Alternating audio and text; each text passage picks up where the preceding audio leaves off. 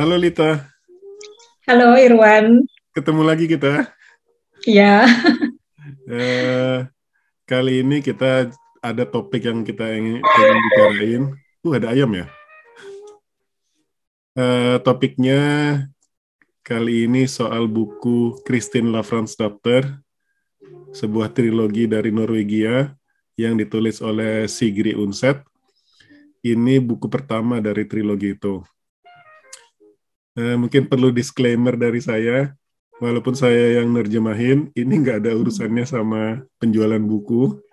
Jadi yang kita lakukan di sini benar-benar dua orang pembaca yang membicarakan sebuah buku. Mungkin saya Ya. punya insider information aja dengan tentang buku itu ya. Mhm. Oke, ke Lita bilang pengen tahu bagaimana melafalkan nama-nama itu. Kayaknya Ya. itu mungkin dari judulnya aja ya, Love France Doctor. La France. Ya, Hmm. Eh, aku udah nyatet sih yang kamu kirimin kemarin. Bentar ya, Mhm. kita coba sesuatu nih. Semoga sukses. Kalau sukses, bisa keren nih. Bentar, aku mau, mau share screen nih. Oke. Kelihatan? Ya. Ya. Ini daftar nama-nama yang mungkin terdengar asing. Mhm. Eh, jadi jadi La France. Oh ya, mulai dari nama dulu ya. Di Norwegia zaman dulu ini ini beda banget sama zaman sekarang ya. Eh, nama anak itu dikaitkan sama nama bapak. Jadi Datter itu kayak binti. Kalau son itu kayak bin. Jadi Hmm. Christine binti La France. Christine anak perempuannya La France. Datter mungkin mirip daughter bahasa Inggris. Daughter. Ya. Kalau son itu son. Ya. Nah, ang, eh, O yang dicoret ini eh, cara ngomongnya kayak umlaut Jerman kalau nggak salah. Jadi mulutnya E, kita ngomong E, tapi di tengah-tengah jalan mulutnya langsung jadi O. E, E. Jadi Oke, son, susah ya. ya, Soon. son, Björn Oke. Gulfson. Soon. Terus eh, namanya La France, Eh, ya, oke. Jadi itu kebanyakan nama-nama di novel ini pakai zaman dulu. Hmm. Eh, si ini anaknya La France, terus kayak si istrinya itu Rang Free. Rang free. Berarti Ya. D-nya nggak dibaca ya? Jadi eh, GN ini dibalik sebenarnya, jadi kayak NG-nya kita, Rang Free, Hmm. Rang Free. Jadi ada ng- eng. Oke. Asik juga ya nulis beginian ya. Jadi kayak Aku jadi jadi belajar bahasa Norway sedikit. Iya, dan ini memang ya eh, lucu juga sih ini sebenarnya. Aku aku belum pernah ketemu orang langsung yang baca buku ini. Jadi bagaimana mereka saling membicarakan nama-nama ini pasti lucu juga. Ya, ini ada nama satu yang diselipkan walaupun tidak ada di dalam cerita yaitu Sulshar. Ini nama pemain bola Manchester United. I know, I know. Walaupun aku nggak suka bola, tapi aku tahu nama ini karena aku sering ditanyain juga. Eh, eh, kalau saya eh, TV-TV Inggris bilangnya Old Gunner Soldier or something like that. Mm, mm, mm, mm. How do you guess it? Coba tebak. Eh, Solskjaer. Oke.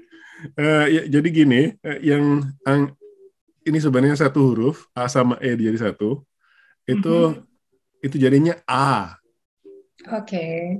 Terus KJ itu sama seperti SY kayak namaku. Jadi Sul Oh, Sulshar, bacanya Sulshar, Sulshar. Solskjaer. Ya. Oke. Terus eh, ini juga O, O itu bahasa Norwegia itu hampir U. Jadi kalau Oh. jadi kalau U sendiri tuh U yang benar-benar Uh. jelas, tapi kalau O itu agak U, U, U. Uh. Oh. Jadi mereka menyebut kota ini bukan Oslo tapi Uslo. Oh, seperti orang Prancis bilang U ya mungkin. Hmm. Aku nggak bisa baca Perancis, tapi mungkin ya, kebayang. nah, jadi sulshar, sulshar. Hmm. Hmm. Sul akhirnya itu, terjawab. ya, akhirnya terjawab bisa dia ngomong uh, aslinya. Terus uh, apa lagi? Ah ya, kalau A yang ada bundaran di atasnya ini, itu seperti mm -hmm. bahasa Jawa O. Oke. Okay. O yang A yang ke O an gitu O. Jadi tadi o, o coret sudah bisa ya. Y. Uh, J itu dibaca seperti Y. Jadi itu Yerun Gor. Yerun Gor. Yerun Gor. Yes. La Fransdatter, Jørungård, Rangfri, ah, Ulf, Ulvil, Ulvil. Ulvil. ya, kalau nama-nama yang berakhiran HILD ini, mm -hmm. hampir bisa ditebak itu nama perempuan. Oke. Okay. Dan uh, H-nya nggak dibaca. Jadi H sama D-nya nggak dibaca. Hmm. Jadi cuman il belakangnya itu sebenarnya il. Jadi ulf, ulvil, ulvil. Ulil. V-nya V, V, V itu agak kayak W-an, jadi V itu tebel. Hmm. Jadi itu uh, ulvil. Ulvil. Tapi walaupun itu nggak konsisten kayak La France, V-nya lebih kerasa daripada W-nya. Tetap hmm. La, La France. Enggak, bukan jadi W. Jadi ulvil, ulv itu artinya wolf, uh, uh, serigala. Serigala. Ya. Uh, sul share tadi itu sul itu artinya matahari. Hmm. Share ini nggak tahu, kayaknya bu, kayaknya semacam bulu gitu. Atau share itu love, share lihat. Uh, jadi the love of sun, the sun lover. Maybe, I'm guessing ya. Iya. yeah. Uh, terus Björn Björgulfsson. Hmm. Björgulf ini nama laki-laki. Jadi son itu anaknya. Jadi anaknya si Björgulf. Kalau nggak salah ini nama belakangnya si La France ya? Iya. Iya. Oke. Okay. Mungkin nanti kita kembali lagi deh. Jadi konteksnya Christine La France Daughter ini, kalau saya boleh ngasih konteks, cerita seorang kehidupan seorang perempuan di Norwegia sejak dia kecil sampai dia meninggal nantinya. Walaupun di buku pertama masih ke tahap sampai dia menikah ya. Spoiler nih ya, Kristen itu meninggal. Oh shit. Namanya juga Gak seluruh apa -apa hidup semua manusia kan pasti meninggal. Iya, tapi oh, kayak di sebuah cerita. Jadi ya teman-teman yang belum baca baca dulu baru nonton ini lagi. Dan aku terus terang aku juga belum baca loh. Jadi kayaknya itu belum tentu dia meninggal. Oke. Okay. ini semacam permohonan maaf atau beneran ini ini ini ngeles yang nggak berhasil Enggak, ini sudah ini hmm. ini pengetahuan publik ada di Wikipedia kok. Oke. Okay. Iya. Jadi yeah, gitu. Yeah. Terus eh, sebagai pembaca, eh, Lita, gimana kesanmu? Apakah kamu tersiksa? Uh, enggak sih ya, aku malah seperti jadi terikat gitu dengan buku ini. Wih, terikat. Iya, susah berhenti bacanya gitu. Uh, That's nice. Bacanya, kata-katanya enak dibaca dan aku jadi uh, membayangkan gitu apa dalam bahasa aslinya memang uh, bahasanya mendayu-dayu seperti ini ya? Gitu. Mendayunya mendayunya benar tapi uh, ringannya enggak. Hmm. karena aku ngerasa gini ya ini buku kayak baca buku balai pustaka atau uh, sastra Indonesia yang kuno-kuno gitu. Mungkin lebih tua lagi kayak membaca hmm Sutasoma mungkin ya. Oke. Okay. Jadi karena settingnya memang 1306 ya. Iya. Jadi hmm. settingnya itu di masa-masa Norwegia barusan Kristen. Jadi sebelumnya kan Hmm. Norwegia pagan, Mhm. tradisi Viking dan sebagainya itu. Nah, jadi itu, Mm-mm, benar. Nah, oke, sorry, maksudku tadi tuh bilang gini. Jadi bahasanya tuh sebenarnya nggak semudah yang edisi Indonesianya. Jadi aku Ya. mungkin eh, mencari padanannya dalam kompleksitas kekunoannya itu yang nggak bisa karena bahasa Indonesia mungkin zaman itu juga belum ada kan bahasa Indonesia kan masih muda kan jadi terus terang kalau membaca Christine Lavransdatter edisi Indonesia itu jauh lebih mudah daripada membaca Christine Lavransdatter edisi aslinya tapi Hmm. mendayu-dayunya benar karena ada banyak diksi-diksi yang eh, lebih nggak straightforward dia kalau mau bilang misalnya rumahnya besar, tapi kalimatnya ngomong gini, as it is so, memang se- sedemikianlah. Terus baru as it is so, eh, dan sedemikianlah, lalu bilang apa sih poinnya. Jadi Hmm. itu ada tuh. Mm-mm. Iya, tapi berarti kamu berhasil menerjemahkan. Terima kasih. Yang sering-sering nanti Karena- kepala saya besar, nggak cukup screen. Eh, karena eh, kan seperti yang kita pernah obrolin ya beberapa hari lalu kan, eh, kamu cerita kalau bahasa Indonesia salju ya cuma salju gitu, atau eh, apalah lembah itu kan kalau mungkin di bahasa negara yang berlembah-lembah Iya. itu ada turunannya kan lembah itu gitu. Eh, aku setuju tuh. Jadi eh, bu- bukan cuman negaranya berlembah-lembah, tapi mereka peduli kepada lembah-lembah itu. Jadi Hmm. Norway ini mungkin karena orangnya sedikit, jadi interaksi mereka dengan alam itu sangat eh, dekat. Jadi mereka punya kebutuhan untuk mendeskripsikan alam itu lebih dari sekedar kita. Kita cuma tahu gunung, eh, sungai, pokoknya kalau ada air, sungai, kalau ke airnya kecil, kali gitu kan. Di sini kata stream, eh, kali yang kecil atau kali yang sebenarnya dia bukan kali, dia cuma ada air mengalir gara-gara salju sedang eh, mencair. Nanti Cair. kalau sudah hilang, udah nggak ada lagi sungai di situ gitu loh. Itu ada Hmm. sendiri kata-katanya. Dan Hmm. kalau menerjemahkannya ke Indonesia jadi eh, air mengalir dari lelehan salju kayak gitu kan agak repot ya. Jadi aku Iya. aku struggle sebenarnya kalau setiap dia mulai mendeskripsikan eh, eh, mendeskripsikan alam bis kalau aku benar-benar terjemahin seperti aslinya yang sangat setia itu bisa tiga kali lipat misalnya satu paragraf itu bisa jadi satu halaman gitu loh Oke. Dan buat orang Indonesia nggak penting juga mungkin ya. bener Mhm. jadi aku pernah ditanya sama orang bagaimana ya kesetiaan penerjemah itu apa sesetia apa dia harusnya sama teks itu Hmm.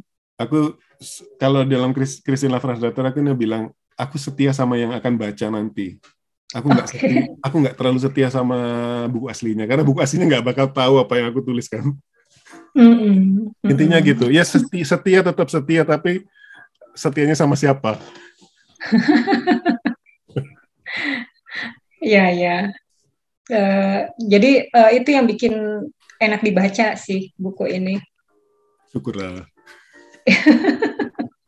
Eh, apa? Jadi- Eh, kalau kadang-kadang aku kan eh, Lita kan ngikutin Instagramku ya jadi Mhm. misalnya me- me- me- menggambarkan matahari yang warnanya merah itu ya mungkin bisa lihat Mhm. Instagramku deh itu merah bener-bener merah aku belum pernah lihat langit yang semerah itu selama di Indonesia yang katanya banyak banyak matahari gitu Hmm. itu merahnya bener-bener Iya. kayak kebakar dan eh, Oke. Be- mungkin aku yang aku yang nerjemahin tuh berapa kali aku pakai kata berkilauan cahaya sinar gitu lah Hmm. it sometimes it aku pikir jangan-jangan nah, jangan-jangan nanti yang baca ini sebel juga karena diulang-ulang kata-kata itu. Semoga enggak ya. Eh, Enggak sih, aku nggak ngerasa sebel ba- baca hasil terjemahanmu ini. oke oke Eh, syukurlah. Terus gimana? iya, tapi- kesan apa lagi? Eh, yang pertama sih aku tadinya mengira buku ini seperti eh, buku-buku yang tentang perempuan yang sudah pernah aku baca gitu. Misalnya uh, dari kecil itu kan aku banyak baca buku tentang anak perempuan. Uh, yang pasti yang sudah pernah aku sebutin itu uh, The Secret Garden. Kemudian uh, ada uh, What Katie Did. Oh, siapa? Yang nulis, aduh aku lupa. Itu buku Tapi klasik. itu bagus banget bukunya. Okay. What Katie Did. Terus uh, ada serial Anna and Green Gables. Hmm, pernah dengar kayaknya. Itu buku klasik banget kan. Kemudian udah ke sini-sini udah besar-besar begitu.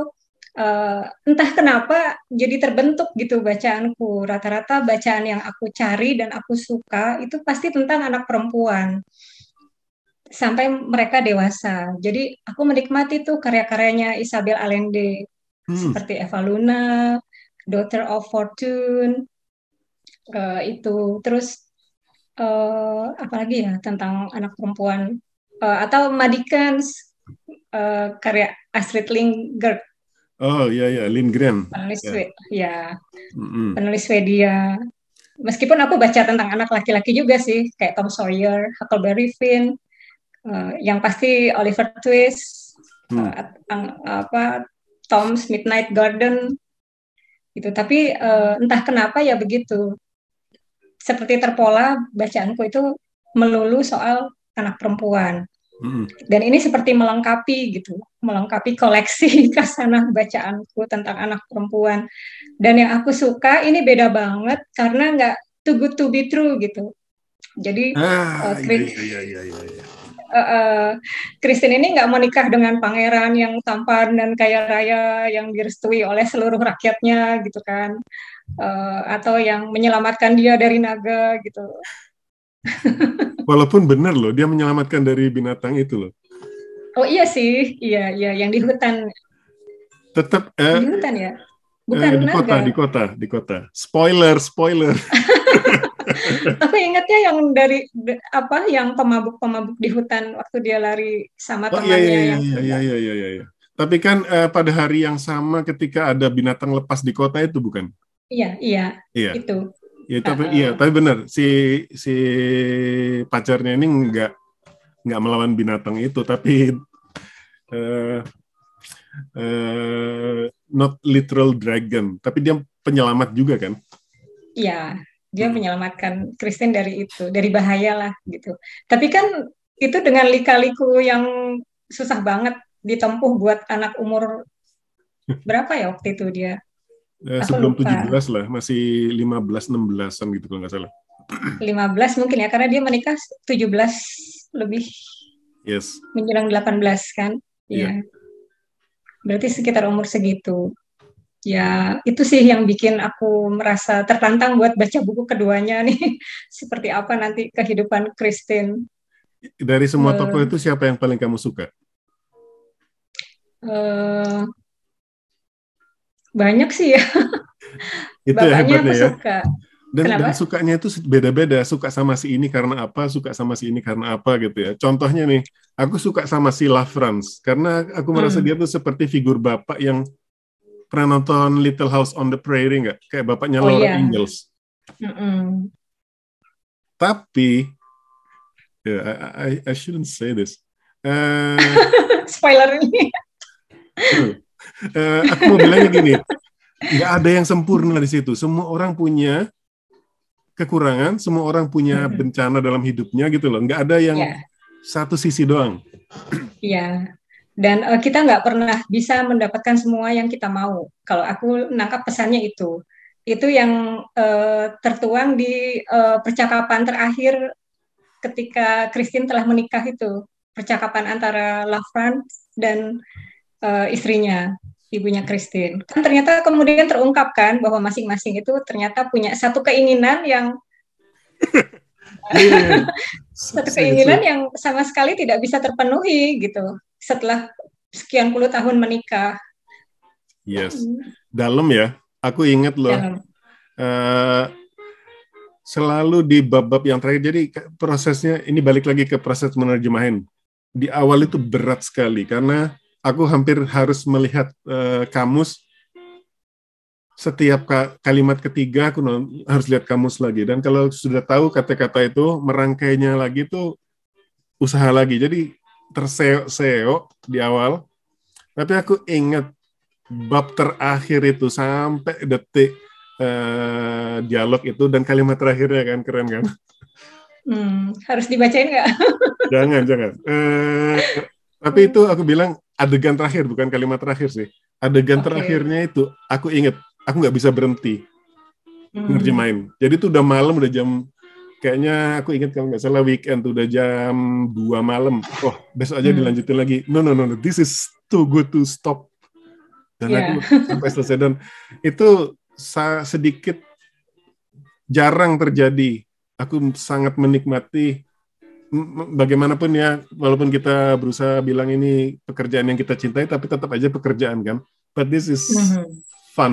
Itu satu satu mm -hmm. bilang, oh ini makanya aku mau jadi penerjemah. Hmm.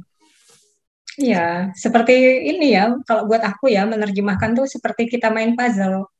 Jadi iya. kepingan yeah. satu dipasang dengan yang lain gitu. Begitu udah jadi. Wah, iya. Keren. Iya, mungkin itu sebabnya kawan kita Roni Agustinus senang menyusun puzzle. Nggak tahu. Aduh, kita harus mengundangnya ini. Iya, ayo dong. Iya, iya, iya. Hmm. Jadi uh, gitu. Uh, kita balik ke urusan bahasa. Oke. Okay. Jadi aku mau nunjuk ini sebenarnya. Ada mm-hmm. uh, mungkin bisa dibilang tantangan untuk ke nerjemahin ini. Uh, ada bentar. Aku selama ini nerjemahin buku Norway yang lain itu nggak pernah memakai kamus seintens ini. Jadi karena ya biasanya kalau bahasa-bahasa modern ya kata-kata yang aku nggak tahu aja atau aku nggak yakin yang aku cek dan itu frekuensinya sangat rendah. Hmm. Nah yang ini nih super dan itu juga bukan bukan kamus yang biasa yang aku pakai yang aku pakai itu kamus akademis akademis hmm. book. Jadi aku share screen dulu. Okay.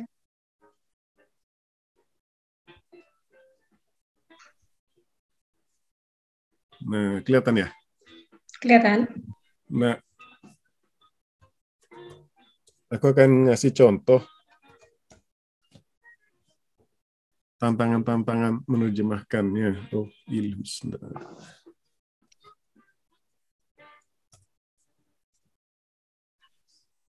Iya.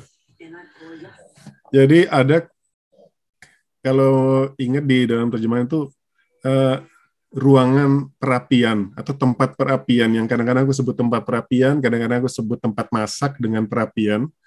Karena ini ya seperti tadi kata perapian itu banyak macam-macam. Jadi eh, kata yang dipakai di eh, buku itu namanya il ilhus, ild hus.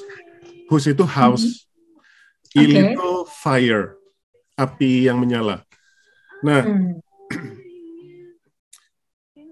uh, uh, kamus ini bisa menentukan oh variannya apa. Oh ya, kembali lagi ini loncat-loncat banget sih. Sigrid Unse ini lahirnya di Denmark dan pada tahun oh. dia lahir itu Norwegia sama Denmark tuh masih deket-deket lah, barusan putus hmm. kalau nggak salah.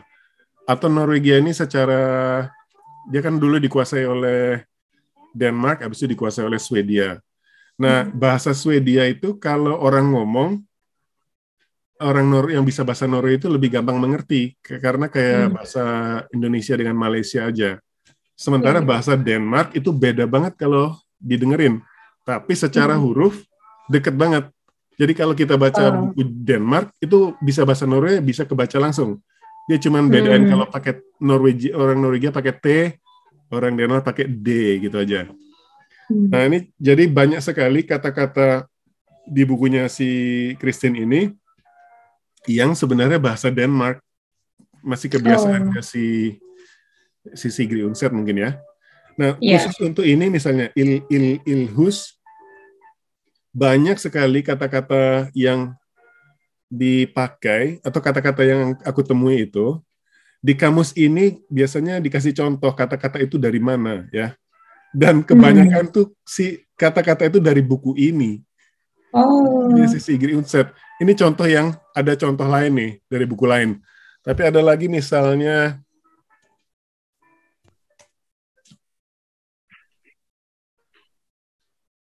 misalnya kata barnekuna.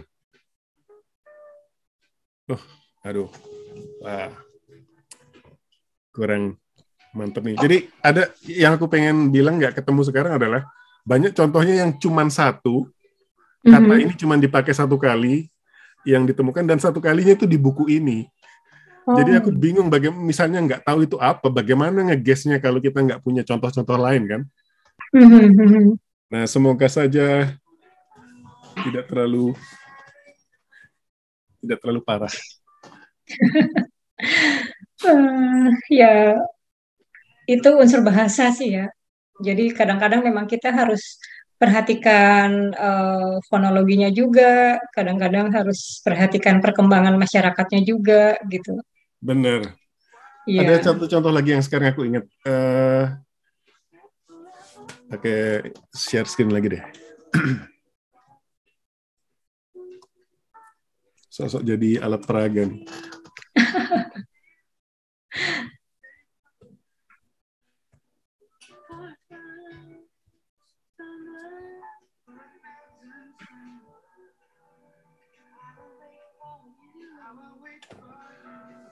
You see my screen?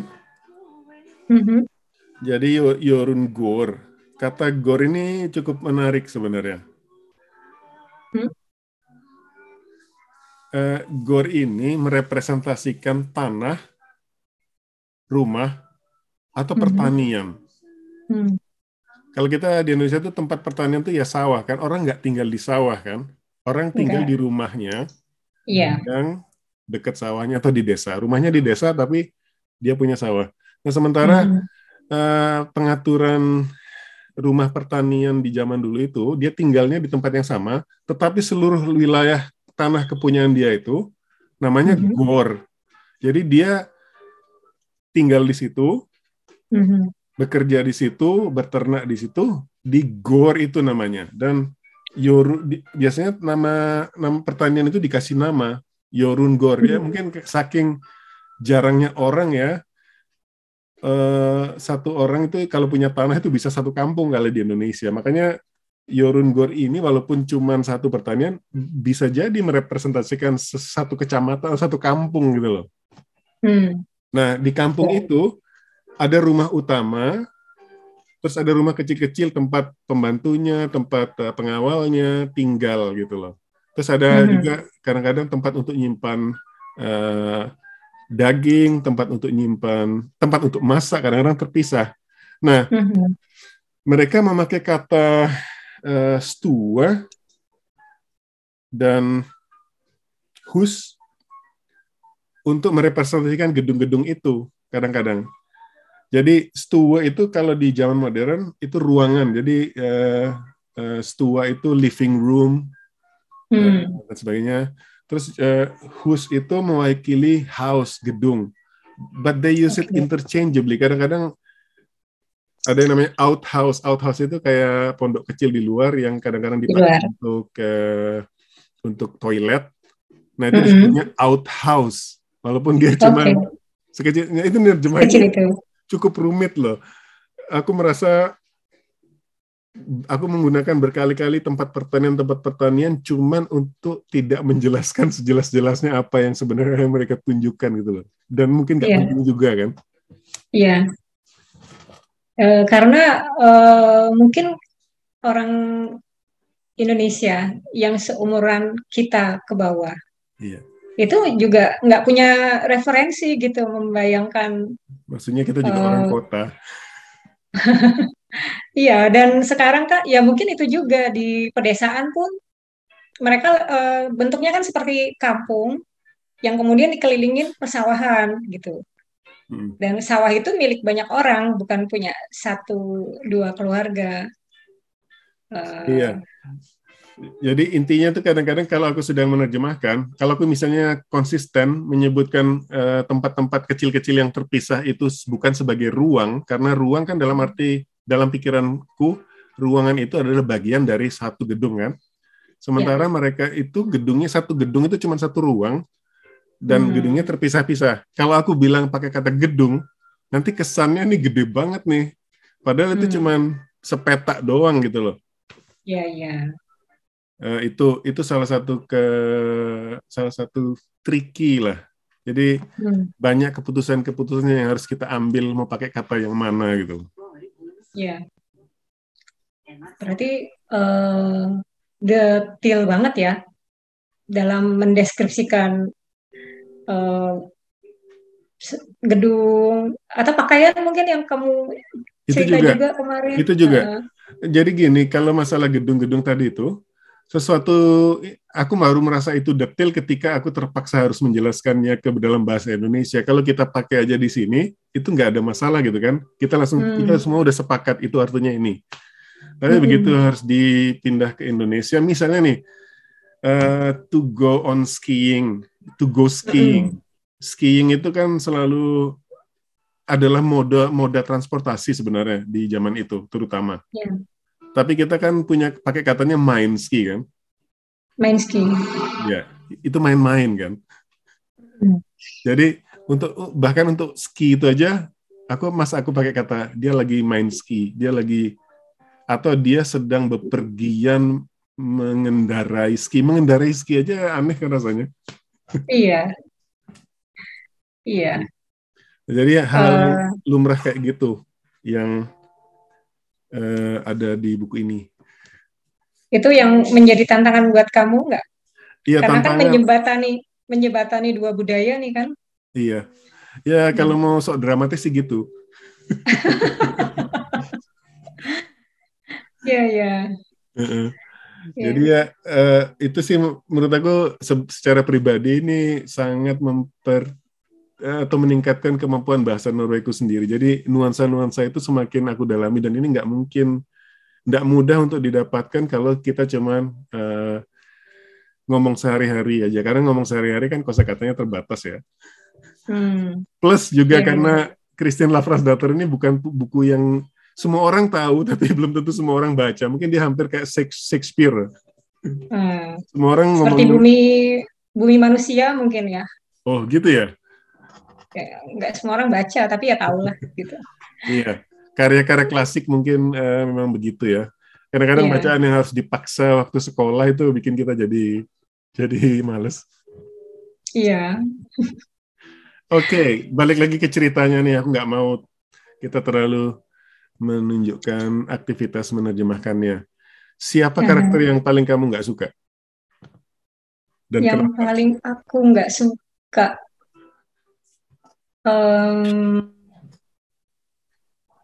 nggak ada juga ya.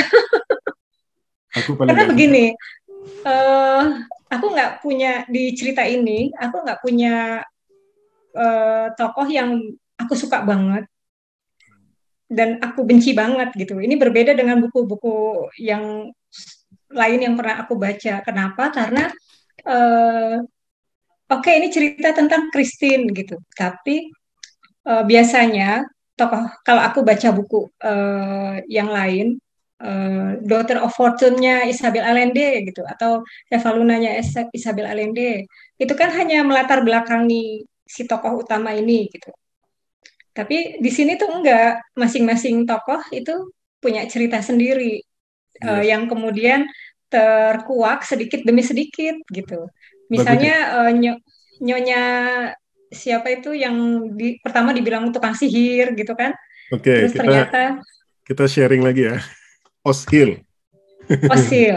Iya. Oke, Nyonya Osil itu kan pertama dia, dia dibilang eh, me- apa namanya, me- apa sih, Dibilang dukun. buat ramuan supaya suaminya mau menikah dengan dia lah, kemudian Iya, iya, eh, ahli sihir segala macam. Tapi kan dia berhasil dalam tanda kutip ya berhasil meringankan penyakit adiknya Christine. Gitu. Dan kemudian Pak eh, terkuak juga betapa baik hatinya dia gitu. Sewaktu eh, aduh kok aku jadi blank sih tunangannya Christine tuh Eh, eh, si tunangan yang sebelumnya ya? Si si bukan Simon. Bukan yang keponak keponakannya dia. Oh, Erlan. Erlan. Arlan. Itu biasanya Arlong. Arlan, ya. Arlang. Iya. Oke. Arlan. Itu Eh, meminta bantuan. Meminta bantuan kan? pada saat pada- itu ya. Pada saat Iya. kejadian. Kamu terlalu hati-hati ya. Aku terlalu hati-hati. Gak apa-apa. Nanti yang Adegan-adegan yang yang bagus boleh lah disebut.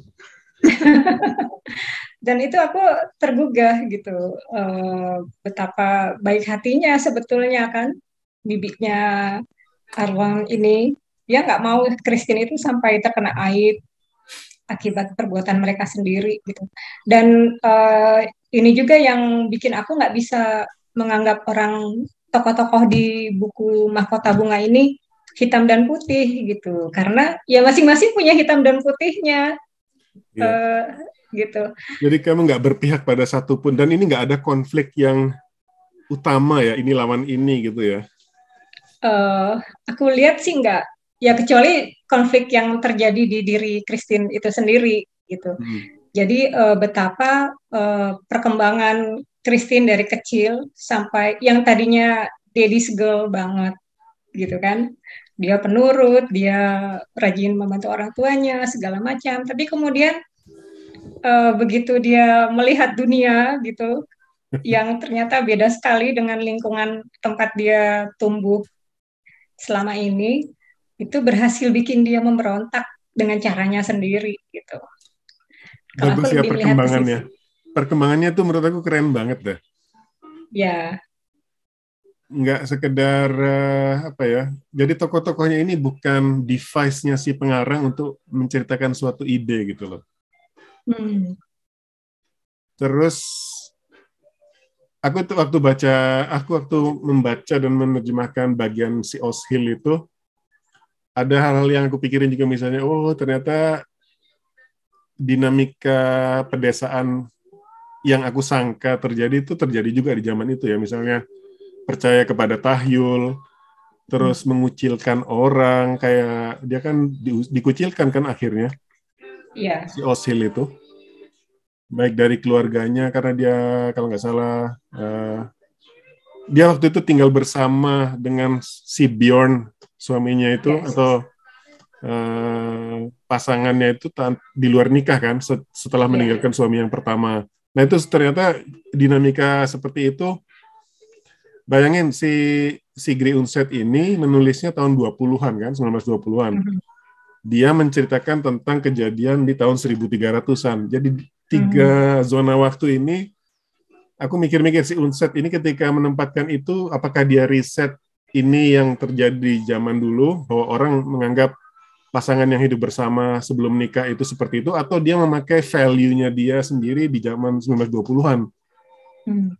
Kebayang nggak? Eh, aku ngebayangin, tapi aku nggak berpikir sampai sejauh itu sih. itu. Tapi yang aku baca, yang aku tangkap dari cerita ini, eh, betapa gereja pun sebetulnya bukan gereja, tapi eh, pendeta-pendeta yang ada di sini itu juga tidak menghitamkan yang hitam dan memutihkan yang putih gitu. Eh, misalnya nih di halaman berapa? Aku harus pakai kacamata. Hmm, usia nggak bisa bohong ya. Aku belum, aku aku sudah pakai lid, jadi nggak denial. Halaman berapa lid? Eh, halaman 360. Oke, Bentar ya. Eh, itu kan eh, ketika Christine eh, merasa berdosa karena ada satu musibah terjadi di desa tempat mereka tinggal. Dan dia berkata ke pendetanya gitu, apakah ini mungkin karena dosa yang udah saya buat ya, Yes. gitu.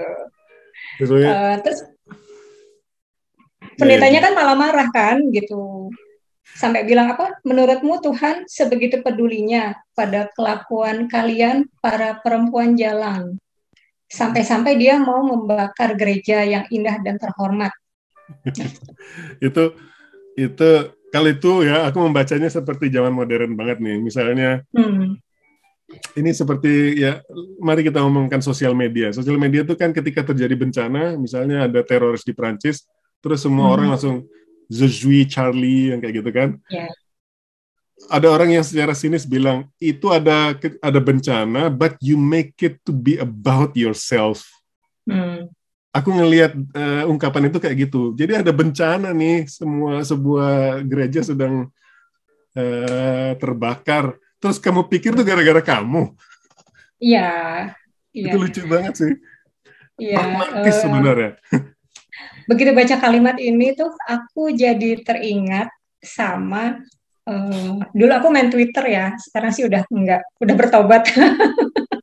uh, sekarang kira-kira 10 tahun, 11 tahun lalu itu aku ngikutin Twitternya uh, Gusmus. Okay. Gusmus uh, Mustafa Bisri. Uh, jadi pernah ada orang mentweet bertanya nih ke Gusmus, Gusmus saya ini punya tato, tubuh saya penuh tato, tapi saya kepengen naik haji. Dan banyak orang bilang saya nggak boleh naik haji karena saya punya banyak tato di tubuh saya gitu. Okay. Terus Gusmus, Gusmus itu bilang e, Tuhan itu terlalu besar untuk mengurusi hal yang remeh-temeh. Kamu kalau mau naik haji, naik haji aja, udah beribadah yang benar gitu di sana. Dalam hati aku ya, uh, aku jadi langsung ingat sama itu tweetnya Gusmus itu ketika baca kalimat tadi, gitu bahwa betapa uh, kita sering uh, membuat diri sendiri ribet gitu sama aturan. Gitu sampai lupa sama niat kita buat beribadah tuh apa. Uh, itu aku jadi inget lagi kemarin yang acara Mizan itu kamu ikut. Iya iya. Ya. Uh, itu kan dia bilang kita agama tapi kering gitu karena ya itu kita sering malah repot sama ini boleh ini nggak boleh gitu tapi esensi ibadahnya sendiri jadi hilang gitu tapi kalau mau aku kejar nih uh, temanya ya tapi hmm. bukannya banyak juga ajaran-ajaran itu yang mengesankan bahwa hubungan seorang seseorang dengan Tuhannya itu sebenarnya sepersonal itu gitu loh. Hmm. Kita minta misalnya, oh Tuhan, uh, saya hampir terlambat nih. Bah, kita sangat spesifik gitu. Semoga belum tutup yang kayak gitu. Itu kan detail yeah, banget. Yeah. Jadi nggak yeah. salah sih sebenarnya kalau pada saat ini si Kristen itu mengaitkan uh, itu dengan kesalahannya karena toh yeah. ada aspek-aspek agama yang yang mengesankan bahwa Tuhan itu semendetil itu urusan sekecil-kecilnya akan di diurusin juga gitu loh. Iya, itu juga ter, ter, ter apa tercermin sih dari uh, di awal-awal yang uh, dia hampir diperkosa itu. Hmm. Uh, sewaktu kemudian Christine itu masuk ke biara, kan dia memohon ampunan dan terus merasa damai gitu. Dan di situ di situ dia berpikir uh, kenapa dulu waktu dia hampir diperkosa dia nggak berteriak meminta perlindungan sama Tuhan gitu. Uh, jadi uh, ya itu detil-detil hubungan Bagus, antara manusia dengan Tuhan itu uh, tergambar dalam diri Kristen ini gitu. That's very good. Uh, iya, jadi ya dan bagusnya sih Unsat ini nggak berusaha hitam putih juga gitu loh. Jadi dia yeah. beneran seperti menampilkan apa adanya bahwa semua ini bisa terjadi gitu loh. Kita percaya banget konflik segala konflik batin yang si Kristen ini ya memang bahkan kita mungkin juga mengalaminya gitu loh. Iya. Yeah. Yang, dan sorry. Kenapa tadi? uh, tema tema rasa bersalah itu yang terus membayang dari awal sampai akhir ya sebenarnya. Iya. Bahkan iya. ibunya sendiri kan itu sebenarnya a kind of guilt. Iya. Iya, yang dia menyalahkan waktu uh, ada musibah yang sampai adiknya Kristen itu jatuh sakit. Itu kan dia menyalahkan dirinya. Oh, ini karena saya perempuan yang penuh dosa. Iya, padahal ya kalau dipikir-pikir itu sebenarnya itu kalau di kacamata modern itu sebuah trauma kan. Jadi dia karena trauma yeah. itu rusak rusak uh, hatinya sepanjang hidup Dan Iya. bencana-bencana yang terjadi pada zaman itu kan eh, anaknya banyak yang meninggal. Dia anak anak laki-lakinya Iya. meninggal semua kan. Iya. Terus dia makin murung, makin murung itu pada walaupun kalau kita ngomongin zaman itu child mortality kan memang biasa Sudah. gitu loh. Iya, iya. Tapi dia mengaitkannya dengan perbuatan orang lain terhadap dia yang membuat dia merasa bersalah sebenarnya. Menurut Iya. aku kompleks banget eh, menampilkan hubungan interpersonal di tokoh-tokohnya itu, baik dengan masa Iya. lalu mereka maupun dengan suaminya misalnya. Iya. Iya. Eh, dan apa namanya? eh eh, di situ juga eh, jadi eh, tergambarkan kan eh, betapa masing-masing tokoh di eh, buku Mahkota Bunga ini merasa punya dosa di masa lalu dia mereka gitu. Iya. Eh, dan itu susah ditebus. Jadi ada musibah lagi, ada musim dingin panjang lagi gitu kan. Iya. Eh, itu kayak nggak selesai-selesai gitu. Tapi eh, buat aku itu yang menarik gitu. Eh, ya itu cerita ini nggak seindah judulnya Mahkota Bunga gitu. It's actually very messy. Iya, Dan satu lagi yang aku suka adalah aj- a- agency. Jadi ke si tokoh-tokohnya itu memegang kendali. Yang Hmm. terjadi begini nih, anak saya begini. Saya Hmm. sebagai bapaknya, ini reaksi saya. Iya. Walaupun reaksinya itu berat dan beratnya tuh diliatin ya. Ketika Iya. reaksi terjadi tuh insting pertama mau ditebas aja tuh orang. Habis itu dia proses terus akhirnya oh apakah saya akan mau mau kehilangan anak saya dan perjalanan emosinya sampai penerimaannya itu menurut aku cukup indah loh digambarkan. Iya, iya, itu digambarkan dengan sangat bagus di buku ini. Lo- dan itu eh, ini sih, aku jadi melihat tokoh Christine itu eh, gambaran umum anak perempuan pertama gitu. Oh. Sampai- Karena gini, beberapa waktu lalu, kira-kira dua tiga minggu lalu gitu, aku sempat baca temanku di Facebook itu dia psikolog, psikolog anak, dan dia memposting eh, hasil-hasil penelitian dia. Jadi eh, semacam himbauan lah gitu kepada para ibu yang anak pertamanya perempuan, jangan terlalu membebankan anak perempuan Anda. Gitu, anak perempuan itu boleh menangis, nggak harus selalu kuat, nggak harus selalu tabah gitu. Eh, karena menurut dia rata-rata anak pertama yang perempuan itu akan punya beban seperti itu dari ibunya Hmm. dan eh, akan jadi eh, pujaan hati bapaknya Oh ya. gitu. Iya. Nah itu kan tergambar banget di tokoh Christine ini gitu. Dia Walaupun- girl banget. Walaupun Kenapa? membebani eh, ibu ibu yang membebani anak perempuannya nggak kelihatan di sini, yang aku lihat Hmm. malah sebaliknya ibunya ini sangat distant sama dia. Ibunya Ya. ini terkurung sama emosinya sendiri. Emosi dia. Iya, dan menurut aku itu yang cukup membebani dan sumber tensi antara hubungan dia dengan si La France, eh, bapaknya Christine. Mhm. Terus Mhm. ya dinamika bisa dibilang hampir bisa dibilang cemburu lah antara Ya. ibu dan anak terhadap perhatian bapaknya itu digambarkan dengan bagus juga dan Ya. dilanjutkan itu. ada. Ini spoiler buat buku kedua ya. Yes. Banyak adegan-adegan yang sangat dramatis di buku kedua. Walaupun ya stop it. Iya, eh, ya dan eh, aku nggak ngerti sih, tapi eh, itu hubungan antara Lafran dan Christine itu betul-betul eh, menggambarkan ciri khas hubungan bapak dengan anak perempuan pertamanya dia gitu. Iya, iya.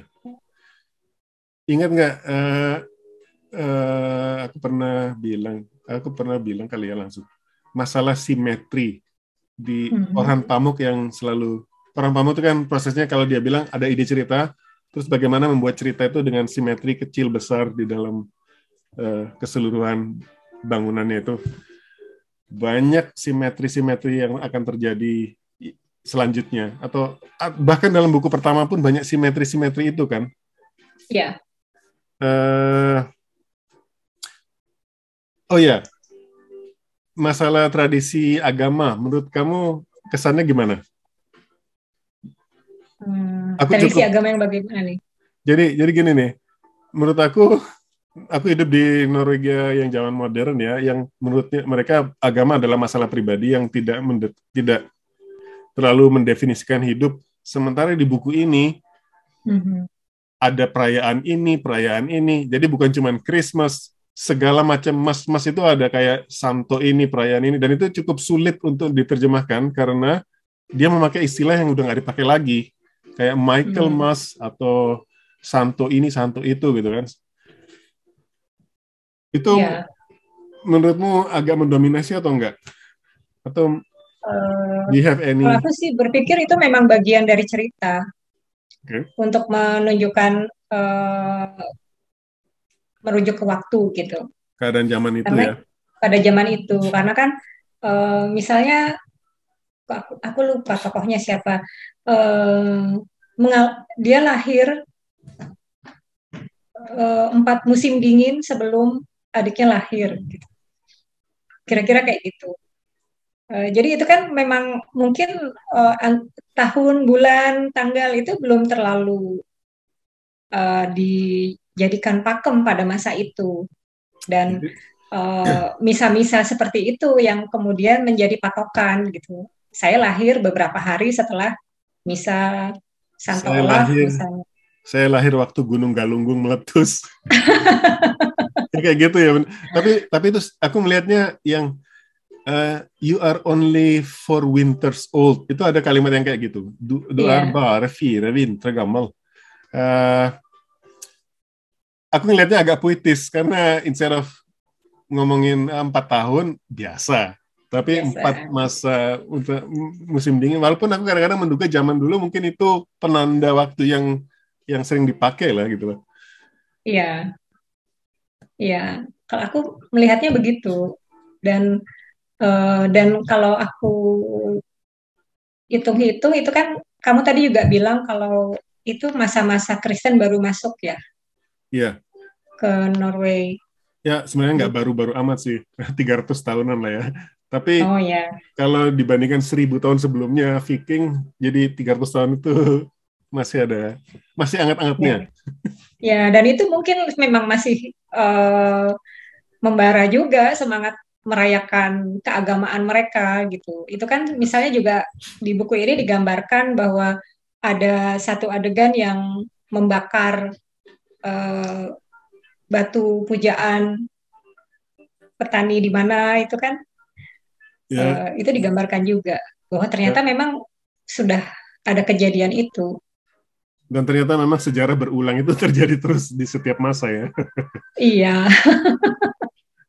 Kebodohan itu terjadi terus di setiap masa.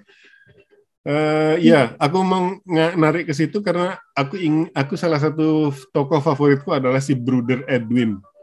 hmm, iya iya, dari pertemuannya yang ketika dia lagi nunggu bapaknya di gereja terus Brother Edwin eh, nemuin dia terus Iya. Banyak sekali clue-clue yang ditanamkan ke si Brother Edwin ini secara teknik penulisan ya yang akan dipakai nanti ketika terjadi adegan-adegan selanjutnya. hmm, I think it's quite clever dan si Brother Edwin ini juga bukan tipikal eh, biarawan, dia punya dia Ya. biarawan yang nyeleneh juga. mhm. Itu itu aku suka deh. Iya. Meskipun aku agak eh, heran ya, bukan heran sih, takjub gitu. Eh, dia yang nggak mau ti- apa tidur di dalam rumah karena takut menula- menularkan kutu-kutu yang menempel di jaketnya gitu. Itu Eh. kalau nggak salah Ordo Fransiskan atau apa ya yang yang asketik banget. Jadi Iya. yang benar-benar secara ekstrim menjauhi segala duniawi. Walaupun Kesenangan higienis itu- duniawi. Iya, walaupun higiena tuh seharusnya seharusnya Mhm. basic gitu ya. Tapi dia kayak bertapa gitu kan. Nah, waktu ngomong itu aku mikir eh, waktu baca itu aku mikir ini terjadi di setiap masa, di setiap tradisi keagamaan, di setiap tradisi apa pun spiritualisme selalu ada kelompok yang taking to extreme dalam masalah eh, asketisme itu. Ya. Dan Bruder Edwin kan juga ternyata punya masa lalu yang nggak bagus ya. Hmm. Oh keren yang, ya, keren ya. ya. Nah itu makanya aku sukanya cerita ini karena itu. Jadi orang suci ya nggak suci-suci banget gitu. Dan itu nggak terduga loh ketika aku aku ya. jadi inget. Aku tadi nggak inget. Bagus banget tuh. Ya ya ya ya ya. Ya. Ya kan ketika Christine dilarang oleh kepala biaranya untuk menemui Brother Edwin karena terus diungkapkan uh, ya. dia itu uh, Brother yang begini-begini dulu itu waktu membangun gereja melakukan kesalahan apa gitu.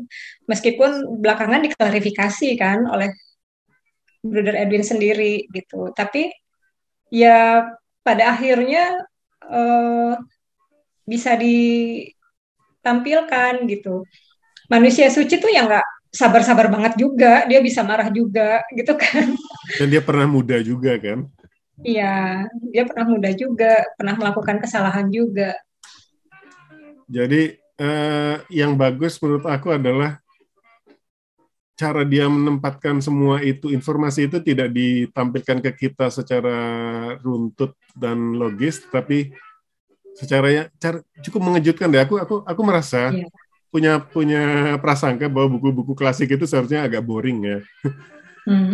Dan ini aku uh, seperti aku bilang tadi orang Norwegia tuh banyak yang nggak baca ini dan aku berhasil hmm. me membuat seorang Norwegia membaca ini. Bayangin uh, imigran yang nyuruh orang lokal baca buku mereka.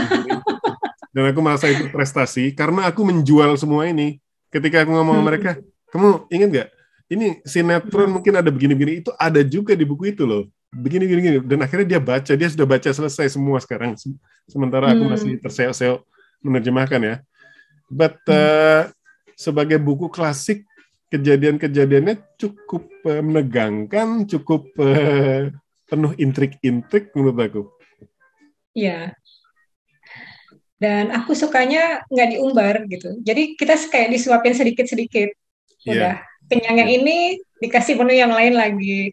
Iya. gitu. Terus udah ini ternyata balik lagi pindah ke sini lagi gitu. Dan itu yang bikin aku nggak bisa berhenti baca trik itu. Iya. Uh, iya uh, buku klasik yang page turner itu kan jarang ya. Ya terus uh, kembali ke soal uh, nerjemahin lagi itu mm-hmm. tadi kamu bilang pakaian terus deskripsi-deskripsi pernah perni uh, ritual-ritual mm-hmm. upacara agama segala macam itu cukup menantang untuk untuk nerjemahinnya dan uh, aku jadi banyak belajar sendiri mas uh, soal-soal itu jadinya mm. terus ada minuman yang aku aku nulisnya gitu minuman madu mm-hmm. ingat nggak di salah yeah. satu minuman oh ya satu lagi semua uh, zaman itu mungkin karena air belum bisa steril, jadi bir itu adalah cara mensterilkan minuman. Jadi anak kecil aja si Kristen kan dikasih bir waktu dia masih kecil, iya. Mm -hmm. uh, Aku berpikir tadinya karena dingin, enggak ya? Enggak, oh justru enggak. Minuman madu itu, eh, minuman alkohol itu tidak membuat badan panas. Itu hmm. kesan di Indonesia aja karena nggak tahu kenapa ya. Uh, iya. Tapi enggak, justru enggak membuat mereka lebih banyak ngomong iya. Membuat mereka lebih enjoy iya. Terus uh, uh, ini adegan magis pertama yang menurut aku seperti kalau sekarang aku pikir itu agak ditempel ya karena nggak ada kelanjutannya. Tapi ketika membacanya aku merasa oh buku ini jangan-jangan mirip-mirip Narnia atau yeah. Lord of the Ring. Ingat gak yang dia ketiduran waktu dia ikut bapaknya jalan-jalan sama anak buahnya? Mm-hmm. Dia kebangun duluan. Mm-hmm. Menurutmu ya adegan yeah. itu gimana? Aku tadinya berharap ada kelanjutan dari cerita itu. Exactly. Ternyata nggak ada. Iya kok udah gitu aja gitu. Padahal itu cukup iya. dramatis gitu. Iya. Tadinya aku berpikir apakah itu kemudian uh, apa yang diberi itu yang diberi kepada Kristin itu hmm. akan mempengaruhi sifatnya Kristin kemudian gitu kan atau tadinya aku menduga apa dari sini kemudian Kristin tertanam jiwa memberontaknya gitu tadinya. Tapi kok nggak ada hubungannya sama sekali gitu. Iya. Ya nggak ngerti apa itu simbol yang ingin disampaikan ke pembaca buku Mahkota Bunga ini. Atau ya tapi beneran aku uh, aku merasa itu seperti tempelan. Tempelan, gitu. iya. Atau di awal-awal itu kan terjadinya cukup awal ya. Jadi set set up the mood. Jadi ceritanya mau kayak apa? Apa terlalu realistis? Apa ada magis-magisnya juga? Nah, aku mm -hmm. saat adegan itu aku berharap oh ini ada jangan-jangan ada magisnya juga nih. Iya. Aku pikir apa ini akan seperti Lord of the Rings gitu. Yes, yes. Iya kan cincin kan. Hmm. Hmm. Tapi ternyata nggak ada sampai akhir cerita. Aku bolak-balik mencari gitu hubungan itu dengan cerita-cerita yang kemudian uh, muncul. Tapi ternyata ya nggak ada. Iya. Di situ itu yang jadi teka-teki kita bersama. kita bisa bikin uh, kultus peri. Gitu. Terus uh, iya. Orang Norway itu sangat dekat dengan alam. Jadi kalau kita jalan-jalannya ke mall, mereka tuh jalan-jalannya ke hutan. Mungkin aku udah sering hmm. ngomongin itu. Dan temanku juga kadang-kadang sering cerita, ngapain kamu weekend? Oh, aku weekend camping. Jadi dia misalnya udah punya keluarga, terus dia bilang, weekend ini saya bebas, jadi istri saya yang jaga anak-anak. Weekend ini dua hari dia bawa sleeping bag, biasanya summer gitu ya, udah tidur di hutan, nggak ngapa-ngapain, hmm. doing absolutely nothing. Hmm. Aku nggak akan. Seriously asik. aku, aku bilang, uh, aku langsung sadar betapa anak kuotanya gue ya. Jadi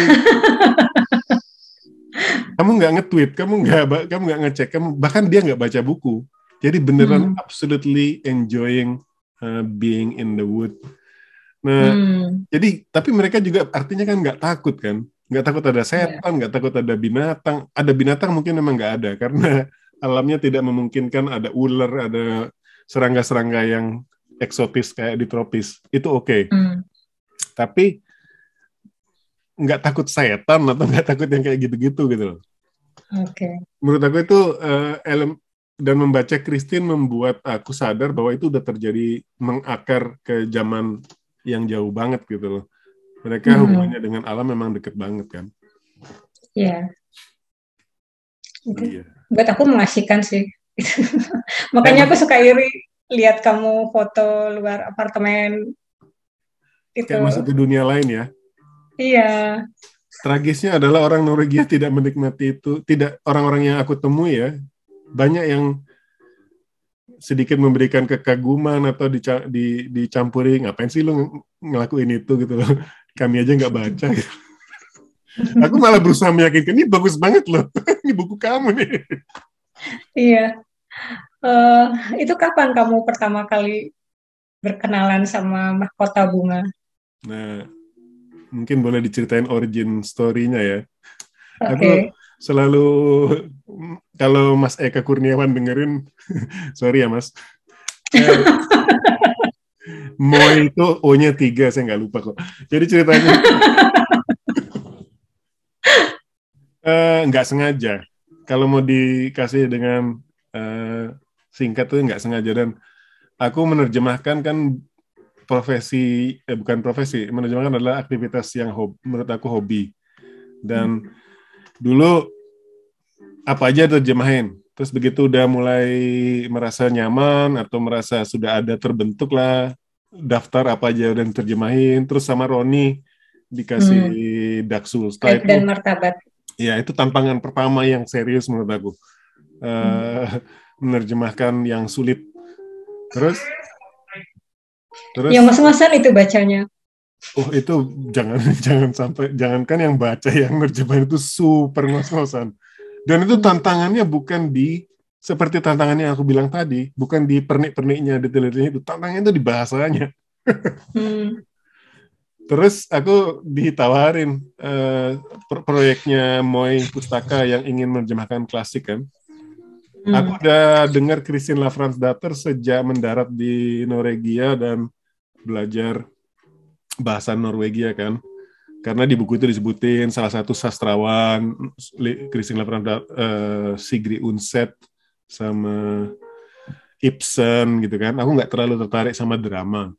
Terus begitu Mas Eka Kurniawan tuh nanya ngapain, buku apa? Nah, saya pikir ya buku ini aja karena aku belum baca. Jadi ya ini alasan untuk membaca. Begitu okay. sudah sepakat, ada sedikit penyesalan di awal itu. Wow, this aku udah menggali lubang sedalam apa ini? Dan aku masukkan diriku ke dalam lubang itu sendiri. Jadi itu nggak sengaja, Lid. Hmm, tapi berhasil.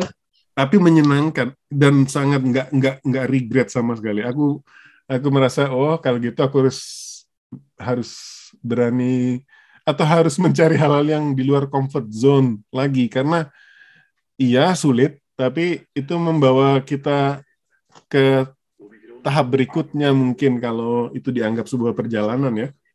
Mm-hmm. Dan membaca uh, kalau dulu kan di Norwegia ini ada namanya institusi yang judulnya NURLA, Norwegian Literature Abroad. Itu yang mm-hmm. mengorganisir event-event besar untuk mempromosikan buku. Jadi mereka yang waktu Norway jadi uh, guest of honor di apa tuh yang di Jerman itu? Uh, Berlin Book Messe Book Fair. Eh Berlin ya? Book Fair di Berlin. Frankfurt. Ya Frankfurt sorry. Jadi Frankfurt uh, Book Fair. Kan mereka yang mengorganisir semua. Nah mereka juga baik mengumpulkan penerjemah-penerjemah dan membuat database jadi masukin nama kontak sama buku apa aja yang udah diterjemahin. Jadi orang bisa nyari kita gitu loh. Kalau ada penerjemah lokal yang pengen urusan buku. Terus mereka sering nemui uh, bikin acara summer party atau winter party biar ketemuan sesama penerjemah. Sebelum aku menerjemahkan Christine Dater tuh kalau kita eh kamu menerjemahkan ke bahasa apa, bahas, uh, buku apa? Ya udah gitu, nggak ada nggak ada komentar. Kadang-kadang mereka juga nggak tahu bu, beda banget interestnya. Tetapi kalau ngomong Christian Laprasdater, wow, entah ngomongnya wow, tapi apa pun itu selalu ada kelanjutan dari pembicaraan itu. Baik kadang-kadang sharing kesulitan atau apa gitu ya. Bahkan ngomong sama orang-orang yang nggak nggak tertarik sama literatur juga, tetap bisa jadi bahan pembicaraan gitu loh ngomong Christina Fransdater itu. Termasuk ke bos-bosku di kantor IT IT itu juga jadi ada ada ada kolega di kantor yang punya anak anak laki-laki namanya Lafrans jadi nama Lafrans ini udah hampir nggak dipakai gitu loh. Nama hmm. nama orang Norway sekarang itu Martin Christian Ula Ula Gunnar. Jadi yang nama-nama lebih modern. Nah satu-satunya orang pertama setelah 20 tahun di Norwegia yang pakai nama Lafras, aku langsung bilang, hmm, saya ini nerjemahin Christine Lafras Dator, boleh nggak kenal nama anakmu? Saya ini orang pertama yang, uh, anak dia masih lima tahun, orang pertama yang namanya Lafras di Norwegia, dan, dan kebetulan dia suka baca juga. Akhirnya aku hmm. jadi temenan sama bapaknya ini gara-gara itu. That's an opening line. Oke. Okay. Menarik. Tapi uh, buku ini jadi bacaan wajib nggak? Misalnya kalau aku dulu belajar bahasa Prancis, hmm. kan baca Lenny Prabu,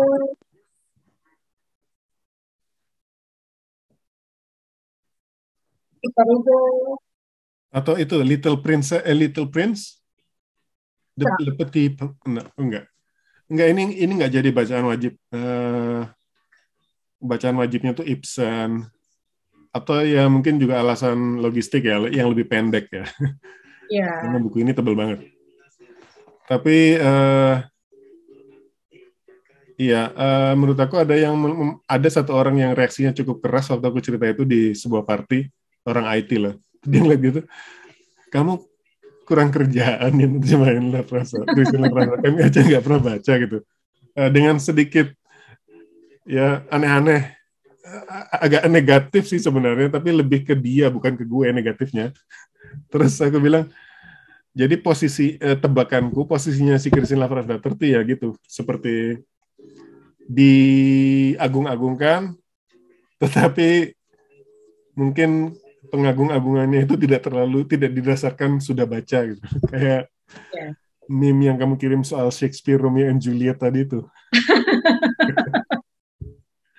Iya. ya orang tahu Romeo and Juliet tapi nggak semua orang baca.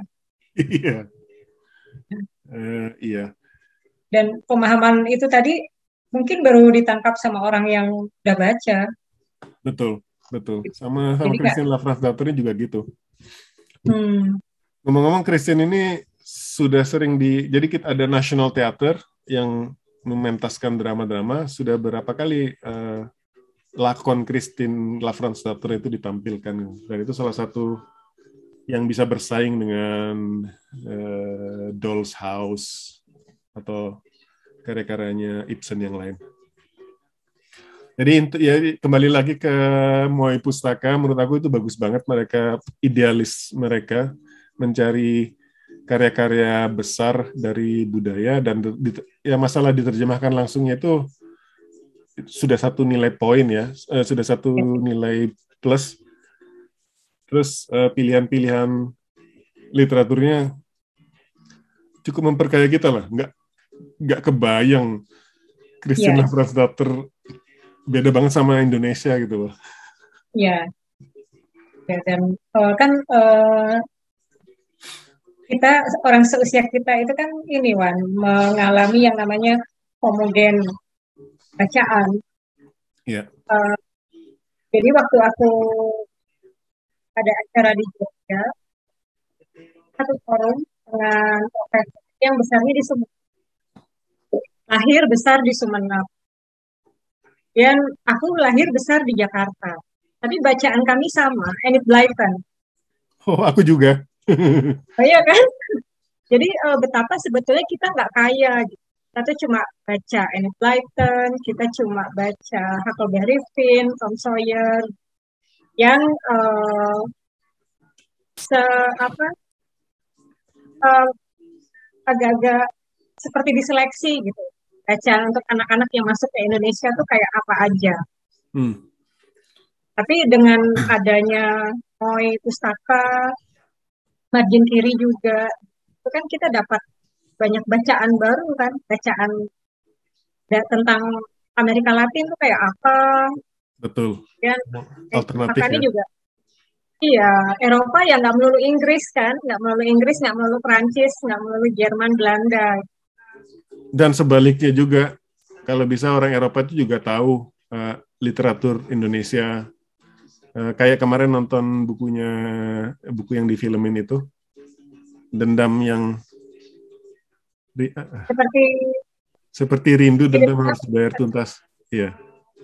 Jadi aku bawa lima orang temanku enam orang temanku yang dua orang Belanda satu, dua, satu orang Swedia satu orang setengah Filipin dan orang Norway gitu ya. Terus duduk di dalam situ melihat mereka shock. Mungkin shocknya juga gabungan antara ini hal yang sangat baru atau juga ceritanya juga shocking kan. Nah menurut aku salah satu komentar yang mereka bilang ada adalah ini sesuatu yang belum pernah saya lihat gitu loh jadi mungkin kalau ngomongin film ya Netflix atau Squid Game Asia di mereka itu wakilnya Squid Game atau Slumdog Millionaire. Nah ini truk budaya truk Indonesia dengan uh, gambar-gambarnya itu aku perlu menjelaskan sama mereka kenapa kenapa itu begitu karena tracking uh, truk di Norway kan nggak ada graffiti-graffitinya yang lucu-lucu itu gitu. Iya. Dan kenapa itu lucu? ya ya. Ya harus diterjemahkan ya kenapa lucunya iya itu itu sih masih niat aja ya aku pengen sih sebenarnya kalau bisa doing the other way around menerjemahkan novel langsung dari bahasa Indonesia ke bahasa Norway tapi sampai iya. detik ini belum terjadi atau belum berani juga sih tapi siapa tahu ya who knows uh, yeah. tapi enggak Wan kalau di bahasa Norway kan uh, tadi kan kamu mengeluhkan di bahasa Indonesia itu nggak ada detail tentang lembah, hmm. tentang baju misalnya, karena memang hasanah budayanya beda. Hmm. Uh, aku sempat sulitan menerjemahkan uh, kata-kata. Jadi bukan bukan buku sih, bukan tulisan, tapi arti secara gamblang lah gitu. Misalnya setangkai bunga, secari kertas, yes. itu ada nggak di bahasa Norwegianya? Karena di bahasa Prancis nggak ada. Nggak ada Jadi juga di bahasa bahasa Eropa nggak ada itu. Jadi ya, hmm. ya bedanya nih, bedanya terjemahan buku Kristen pertama dan buku Kristen kedua, aku udah mulai memasukkan unsur itu. Bagaimana orang Indonesia menyebutnya? Kalau dia cuma menyebutnya a flower, kenapa kita nggak bilang sekuntum bunga? Hmm.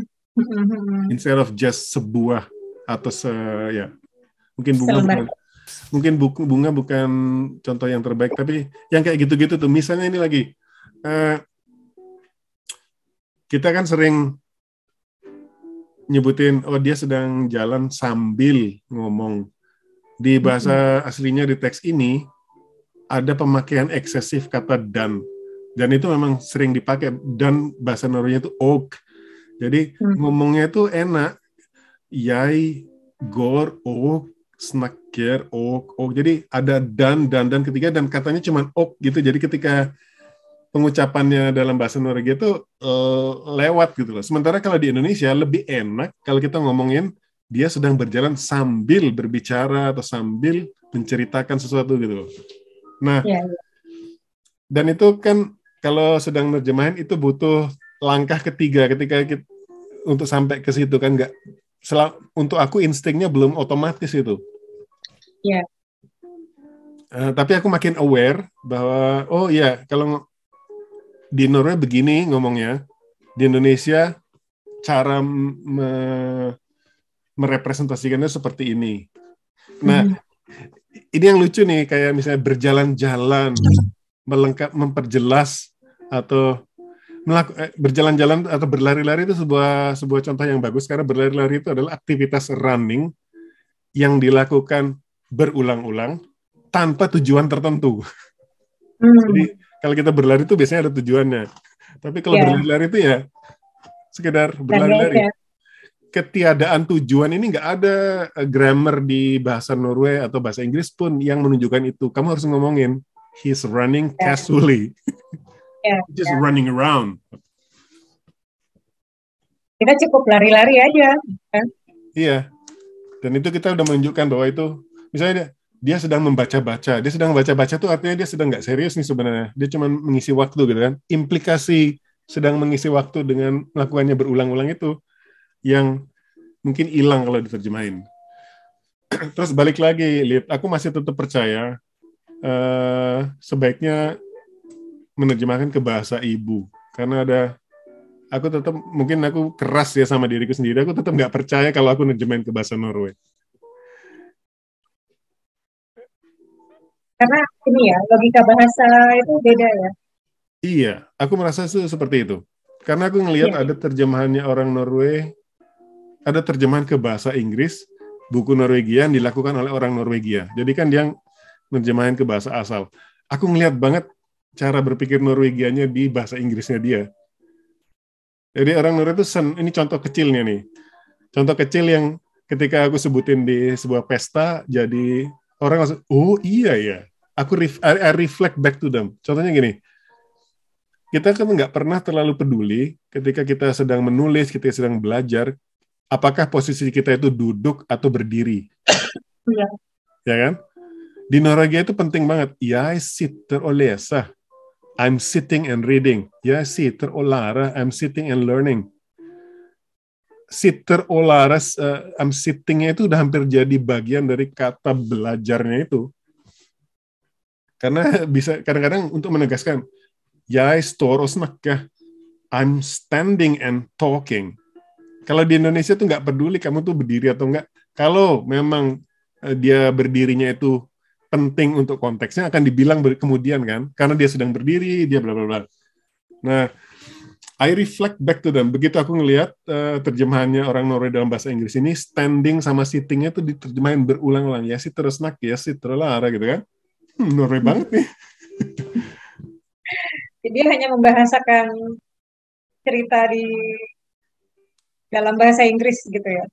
Hampir letter Tapi mungkin juga itu sebuah hal yang natural di otak dia sebagai orang Norwegia. Okay. Iya nggak? Ya, Heeh. ya. Ya itu yang bikin mungkin kalau kita baca terjemahannya buku Pram dalam bahasa Inggris Hmm. eh, itu kita agak jet lag kan Oh, really? karena Max Lane itu orang Australia dan kita kan nggak bisa menebak cara berpikir orang Australia ketika memandang tokoh Minkel misalnya. Iya, iya. Jadi aneh gitu. Aku baca buku eh Tohari, Hmm. Dongeng Dukuh Paruk itu kan diterjemahkan jadi The Dancer. Bahasa Inggris. Eh, Iya, itu konteksnya banyak yang hilang, tapi kemudian eh, aku berpikir bahwa memang eh, kalau itu harus disesuaikan dengan konteks Indonesia, justru nggak akan bisa ditangkap gitu sama pembaca eh, yang berbahasa Inggris native gitu. Hmm. Kayaknya kita ngomongin dua hal yang overlap ini. Yang pertama Iya, adalah enggak, tapi bagus. Tapi bagus karena apa? Kalau itu itu eh, kekurangannya atau bukan kekurangan sih. Bahasa Inggris itu masalahnya di bahasa Inggris karena kita sebagai bahasa asalnya bisa ngecek karena kita bisa bahasa Inggris. Ya, Tapi orang Norwegia nggak akan bisa ngecek terjemahanku. Jadi ya oke aman so far gitu. itu keuntunganmu ya. Dan mungkin gini eh, karena dua pihak yang aku jembatani ini nggak bisa saling komunikasi. Jadi Ya. selama aku bisa menyenangkan yang mengkom- mengkonsumsi, oke deh. Iya. Walaupun Iya. nanti orang Norwegia bilang ini kenapa, Me? Kenapa ski dibilangnya begitu? Kenapa begini? Kan bisa sebenarnya. Iya, iya. Jadi Dan itu berarti eh, kamu harus menemukan orang Norway yang memang fasih berbahasa Indonesia juga. Iya. Nanti aku traktir aja makanan supaya dia tetap bisa ngasih yang positif. Ya. Ya, tapi tapi, eh, joking aside, I think Hmm. itu permasalahan penerjemahan dari bahasa asing ke Inggris yang bisa digampang di di di recheck gitu loh. Sementara Hmm. kalau yang dari Jepang ke Indonesia, dari Norway ke eh, Indonesia, ada hal-hal pasti aku aku percaya bahwa pasti ada hal yang hilang dalam menerjemahkan itu ya. Cuman eh, keputusan yang harus diambil oleh seorang perjemah adalah siapa yang saya senangkan sa- saya sedang menyenangkan siapa nih. Kalau Hmm. saya menyenangkan orang Norway dengan sangat dengan kesetiaan saya tadi, mereka toh tidak bisa mengkonsumsinya. Hmm. Nah, yang saya senangkan dengan segala keterbatasan dan tantangan ini adalah yang akan mengkonsumsinya. Semoga mereka bisa menerima itu walaupun tidak sempurna 100%, at least representable lah gitu. Iya. Jadi itu, itu pilihan sih sebenarnya. Hmm. Makanya aku nggak percaya ketika aku menerjemahkan ke Norwegia dari bahasa Hmm. Indonesia. Walaupun mereka nggak bisa ngecek apakah aku mikir cara Indonesia, tetapi kejanggalan tadi itu kan akan kelihatan tuh. Iya, iya. Iya. Oh, terus ada lagi eh, yang menurut menurut aku agak cukup sulit ke- karena bahasa Indonesia cuma ada dia, nggak ada he atau she. Iya. Nah, sementara mereka tuh sangat gampang sekali. Oh, eh, dia mencium dia gitu kan. Mhm. She kisses him. Kalau di bahasa Indonesia, dia mencium dia ini siapa nih? Dan harus Iya. butuh informasi tambahan nih. Iya, iya, iya. Eh, itu yang bikin gagap juga ya nerjemahinnya. Eh, Di situ serunya sih. iya. Tapi secara keseluruhan sih eh, aku senang baca terjemahan kamu. Syukurlah. Ya seperti itu. Buktinya nggak bisa berhenti bacanya gitu. Jadi aku nggak berpikir gini, harusnya kan gini ya bahasa Indonesia-nya ya gitu. Harus kadang kan kalau iseng gitu kan Oh, baca buku. I will have I will give the credit to my editor. And Mbak Ika Kurniasi, Mbak Ika Kurniasi itu melakukan ya ditu- dituliskan di situ ya, aku minta ditulis kok. Uh, Editor itu sebuah elemen yang sangat penting juga di dalam di dalam mem- mem- membuat karya seperti ini. Karena sebagus-bagusnya penerjemah, tetap dia masih ada biasnya uh, Iya. struktur asal. Jadi kadang-kadang aku ngeliat kok dia draft-draft awal strukturnya masih aneh kalau di Indonesia. Terus ketemu ketangkep sama dia. Dan editor hmm. itu God bless them. They just do the hard work without the. I don't think it's fun. Iya sih. itu yang bikin uh, terjemahanku tentang penghancuran buku itu berhasil. Ya karena faktor editornya juga. Yes. Jadi Mas, jadi Roni Agustinus itu kan mengeditnya dengan merujuk ke bahasa asli. Yeah. Bahasa Spanyol. Oh, sementara aku ya. menerjemah iya, sementara aku menerjemahkannya dari bahasa Inggris. Itu jadi memang banyak belokan yang aku nggak temukan sebenarnya waktu aku menerjemahkan dari bahasa Inggris. Hmm. Tapi sama uh, Roni Agustinus didapat nih salah nih harusnya artinya ini gitu. Kalau di aku prosesnya agak kebalikan. Jadi uh, Mbak Ika Kurniasi editornya itu memakai bahasa Inggris sebagai acuan. Hmm. Jadi double check gitu loh. Mas ini kok aneh. Begitu dia lihat aneh karena di Inggrisnya begini. Dan dan interaksi kami jadinya bilang karena aku sendiri ada hal-hal yang aku nggak nggak yakin ya. Jadi itu seperti uh, aku menduga-duga. Aku rasa si yang nerjemahin bahasa Inggris itu juga menduga-duga dan kami ngecek dugaan kami sama atau enggak gitu. Terus ada satu kata yang nancep banget di kepala aku, barna kuna. Kuna, K-O-N-E, itu artinya wan, perempuan atau istri. Barna itu artinya anak-anak. Barna hmm. kuna. Jadi begitu aku ngelihat di uh, kamus, kata ini cuma dipakai di bukunya Sigri Unset, di bukunya Kristen ini, gitu kan? Oh. Terus kalau what do you think first? Child, wife, child, women. Yang kepikir pertama kan child bride. Dan kayak yeah. kalau nggak salah bahasa Inggrisnya pakai child bride, padahal yang dia masukkan adalah wanita yang sedang mengandung. Oh. Perempuan yang jauh banget ya? Jauh banget dan kadang-kadang dan masalahnya adalah di cerita-cerita ini kan semuanya kawinnya masih muda-muda banget kan. Jadi nggak salah juga yeah. sih iya. kalau itu nyebutinnya child bride. iya sih. Uh, ya mungkin pada masa itu ya seusia itu memang ya orang menikah gitu. Iya, dan akhirnya child bride kan bukan sebuah masalah jadinya kan. Jadi nggak perlu mm -hmm. konsep gitu loh. Iya. Yeah. perlu sementara itu woman with child Hmm. Jadi barnya kuna woman with child, woman who is pregnant. Ya ya ya. Dan aku sama sekali nggak nemuin kalau nggak salah nih ya kata hamil yang yang dipakai dengan kata modernnya. Jadi kata kata hamil bahasa Norway modernnya itu gravid. Kalau nggak salah aku nggak nemuin kata itu sama sekali di buku ini. Dia selalu menggunakannya dengan cara yang menggunakan kata-kata atau frase yang menunjukkan dia sedang hamil. Kalau nggak salah nih. Hmm. Seperti di Indonesia itu berbadan dua gitu ya? Iya, berbadan dua. He's with child, she's with child, she's expecting. Ya. Dan Kristen ini nggak KB loh. oh sorry, spoiler ya. Shit. Gak apa-apa. Aku penikmat cerita, jadi biarpun udah dikasih spoiler macam-macam, kalau memang menarik akan aku baca. Jadi ini bukan spoiler sih, teaser. Dan juga kalau nanti nemuin itu ingat simetri-simetri tadi itu. Iya, iya. Kalau kamu memandang Christine ini gimana, Wan? I love her. Hmm. Aku aku sering jatuh cinta sama tokoh utama perempuan di buku. Yang aku jatuh cinta salah satunya si analisnya Pram. Pram. Iya. Uh, dan itu tanda yang bagus. Kalau aku nggak bisa jatuh cinta sama satu orang tokohnya, berarti kurang bagus digambarinnya di cerita itu gitu loh. Dan menurut aku, uh, walaupun Kristen itu akhirnya termakan atau terbawa oleh budaya sekitarnya. Jadi ya ini nih nih. Dia adalah keturunan ibunya.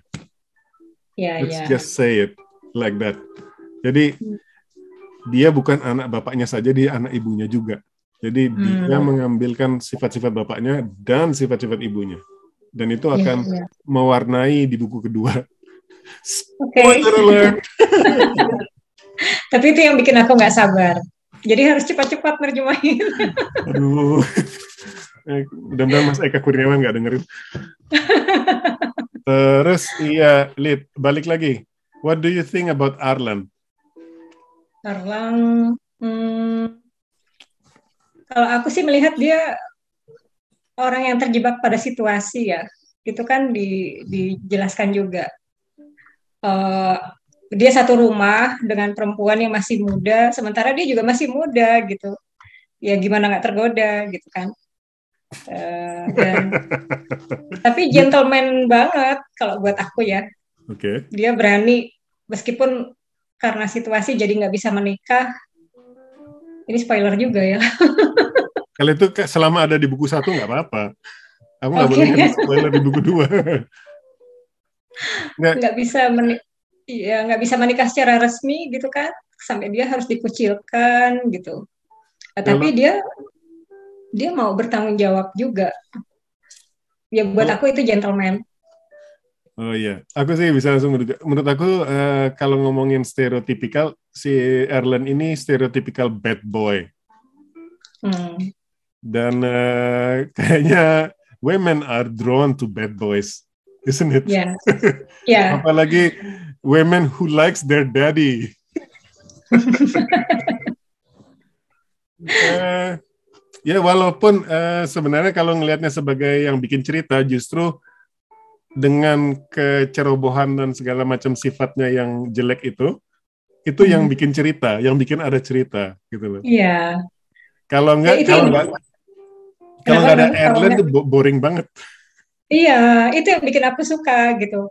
Kristen ini nggak menaruh hati pada Simon yang begitu yeah. baik, yang begitu suci, begitu tulus dengan segala macam gelar bangsawan dan kekayaan itu. Dia nggak stick, Kristen itu nggak stick ke ke Simon ini gitu. Dia justru tertantang gitu dengan adanya Arlan ini eh, kembali lagi dan ke, lebih memilih.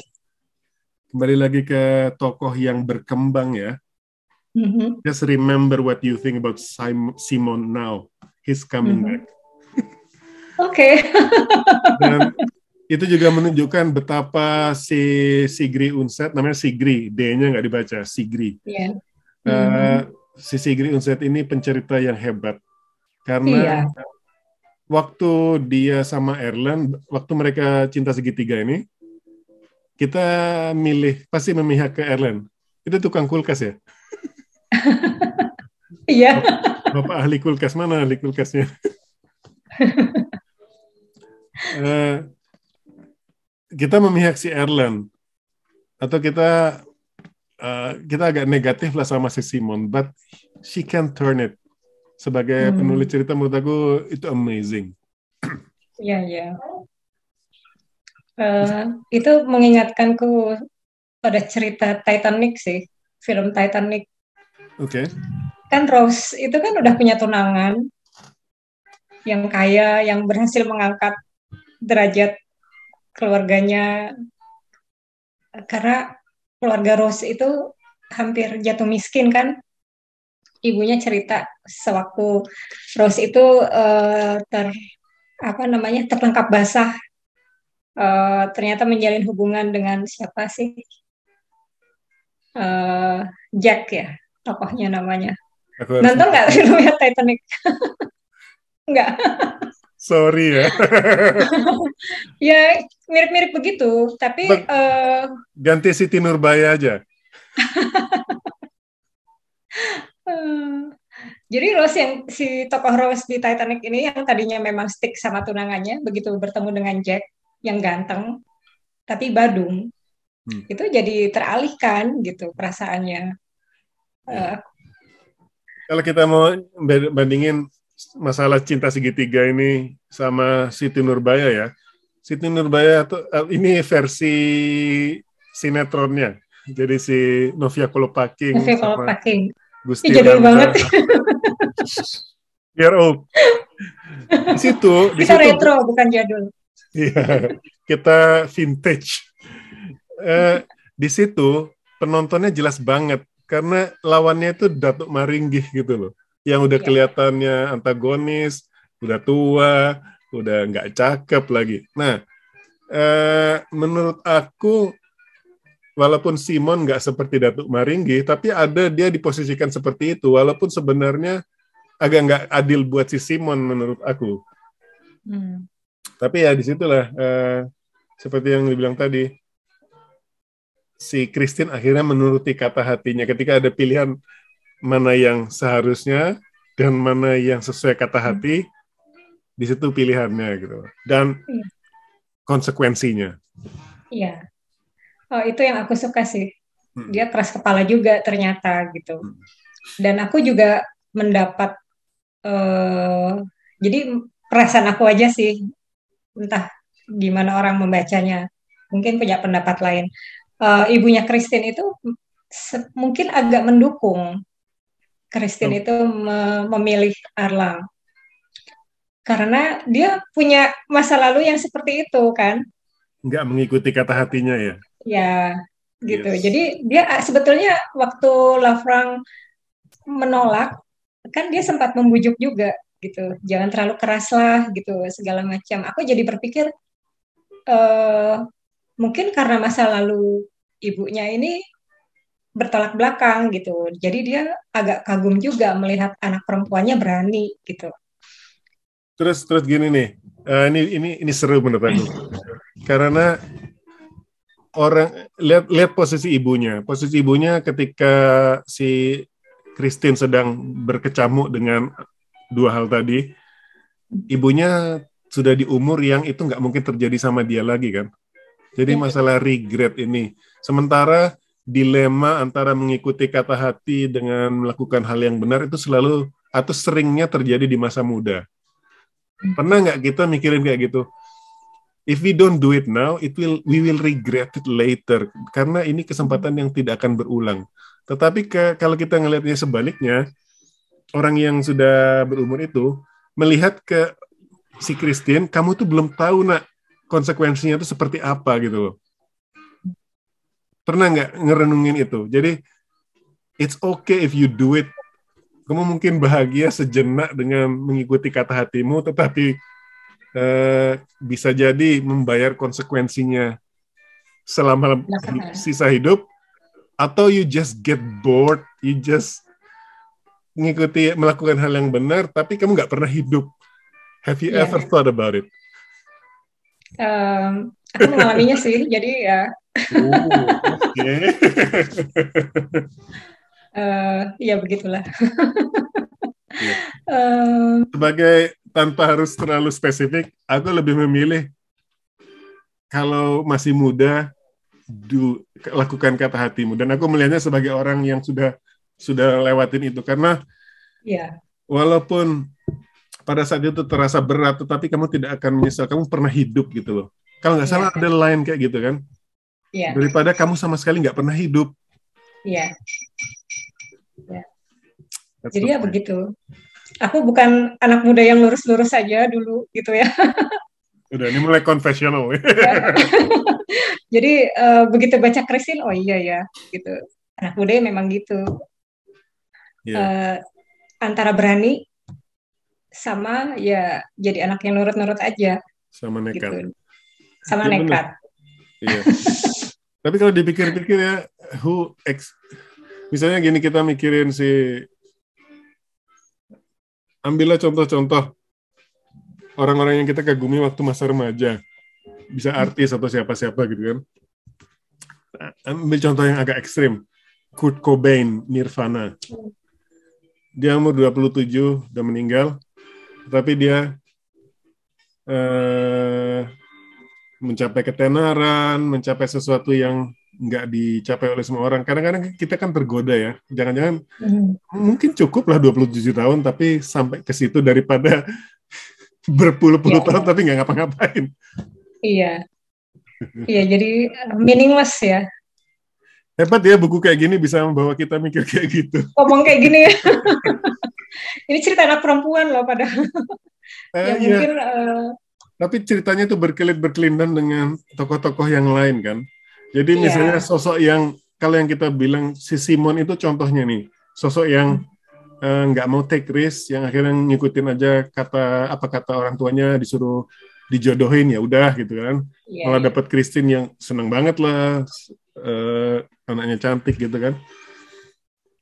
Terus ya waktu yang akan yang yang akan menjawab semua yang digalaukan pada masa-masa itu gitu. Yeah. Aku aku jadi ingat nih masalah cerita itu berakhir sebuah cerita novel atau apa pun bedanya antara tragedi dengan happy ending itu cuman kapan mengakhirinya. Iya. Mau gantung atau menjawab pertanyaan itu juga jadi pilihan penulis. Iya dan kadang-kadang gini coba lah mikirin kayak Cinderella yang akhirnya dapat mm -hmm. ya bener Cinderella yang dapat pangeran apa itu. Iya. Kan ceritanya berhenti ketika menikah kan. Iya. Jadi ceritanya happy ending. Mereka yeah. nggak tahu ketika uh, anaknya bermaja dan sebagainya kan itu ceritanya lain lagi gitu loh. Iya. Ya itu itu yang bikin aku suka di buku ini gitu. Ini nggak uh, nggak happily ever after gitu.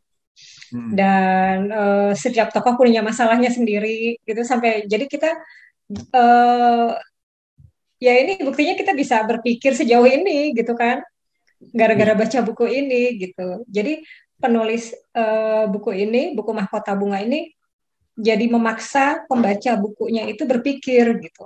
Nggak sekadar menikmati kata-kata indahnya, nggak sekadar menikmati plot ceritanya gitu. Tapi memaksa kita buat berpikir juga. Yes.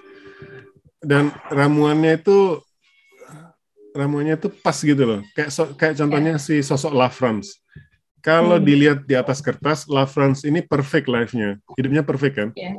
Walaupun dia jadi dia sebagai laki-laki, sebagai bapak, sebagai uh, kepala rumah tangga, sebagai pejabat mungkin ya.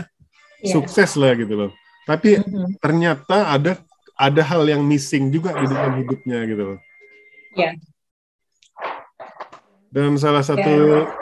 kalimatnya La France yang yang terngiang-ngiang di kepalaku itu ketika dia jatuh tabik tangis dengan istrinya itu kan bukankah aku hmm. suamimu yang baik ya? Aku bukankah aku suami yang baik? Jadi masalah menjadi suami yang baik itu kadang-kadang kelihatan sebagai sebuah kompensasi atas kekosongan yang nggak dia dapatkan itu loh.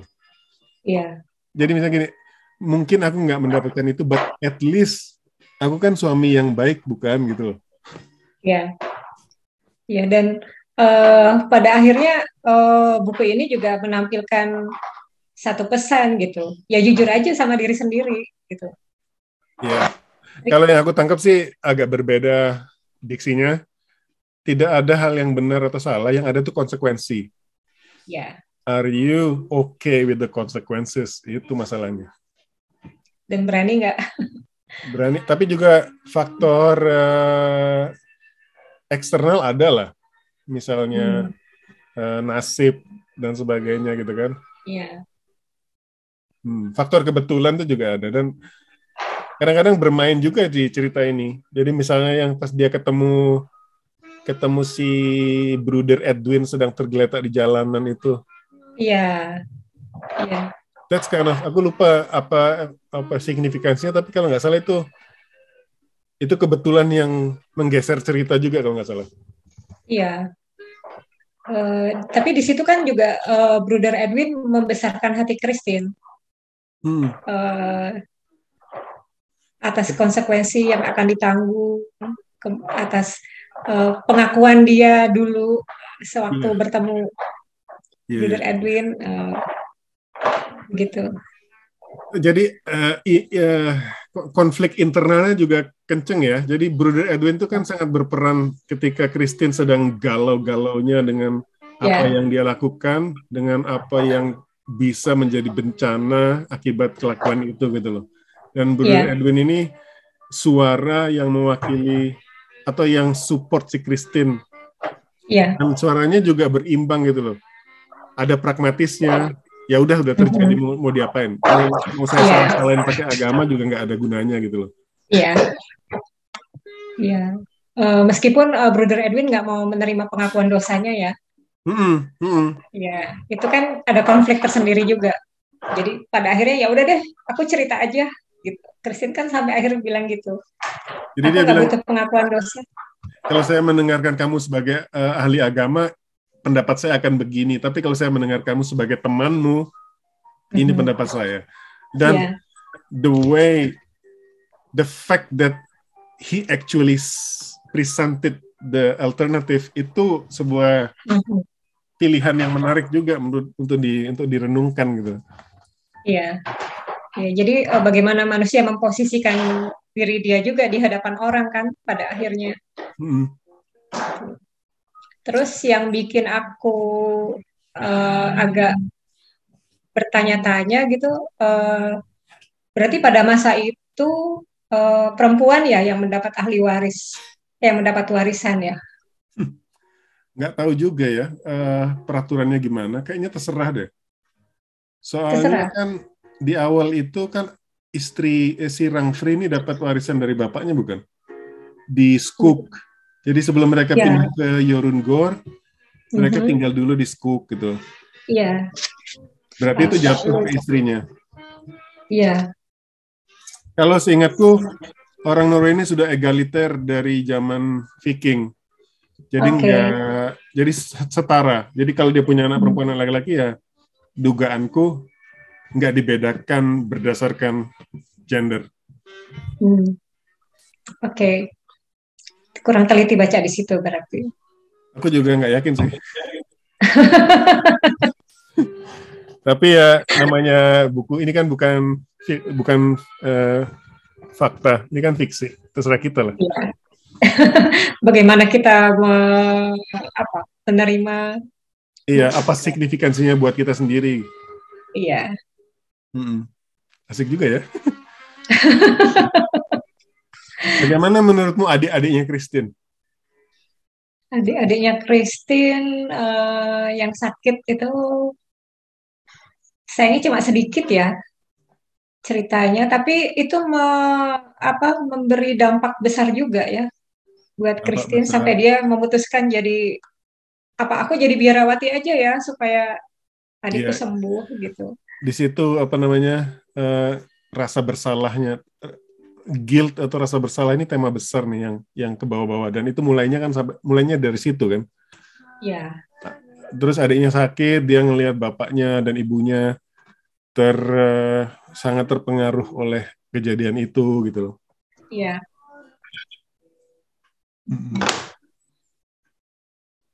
Iya sih kalau di- kalau makin dipikir-pikir dan membicarakannya dengan orang lain ini makin banyak sisi elemen-elemennya yang secara itu sendiri pun menarik gitu loh. Sama seperti eh, peperangan Norwegia lawan Swedia di zaman itu, terus Mhm. hubungan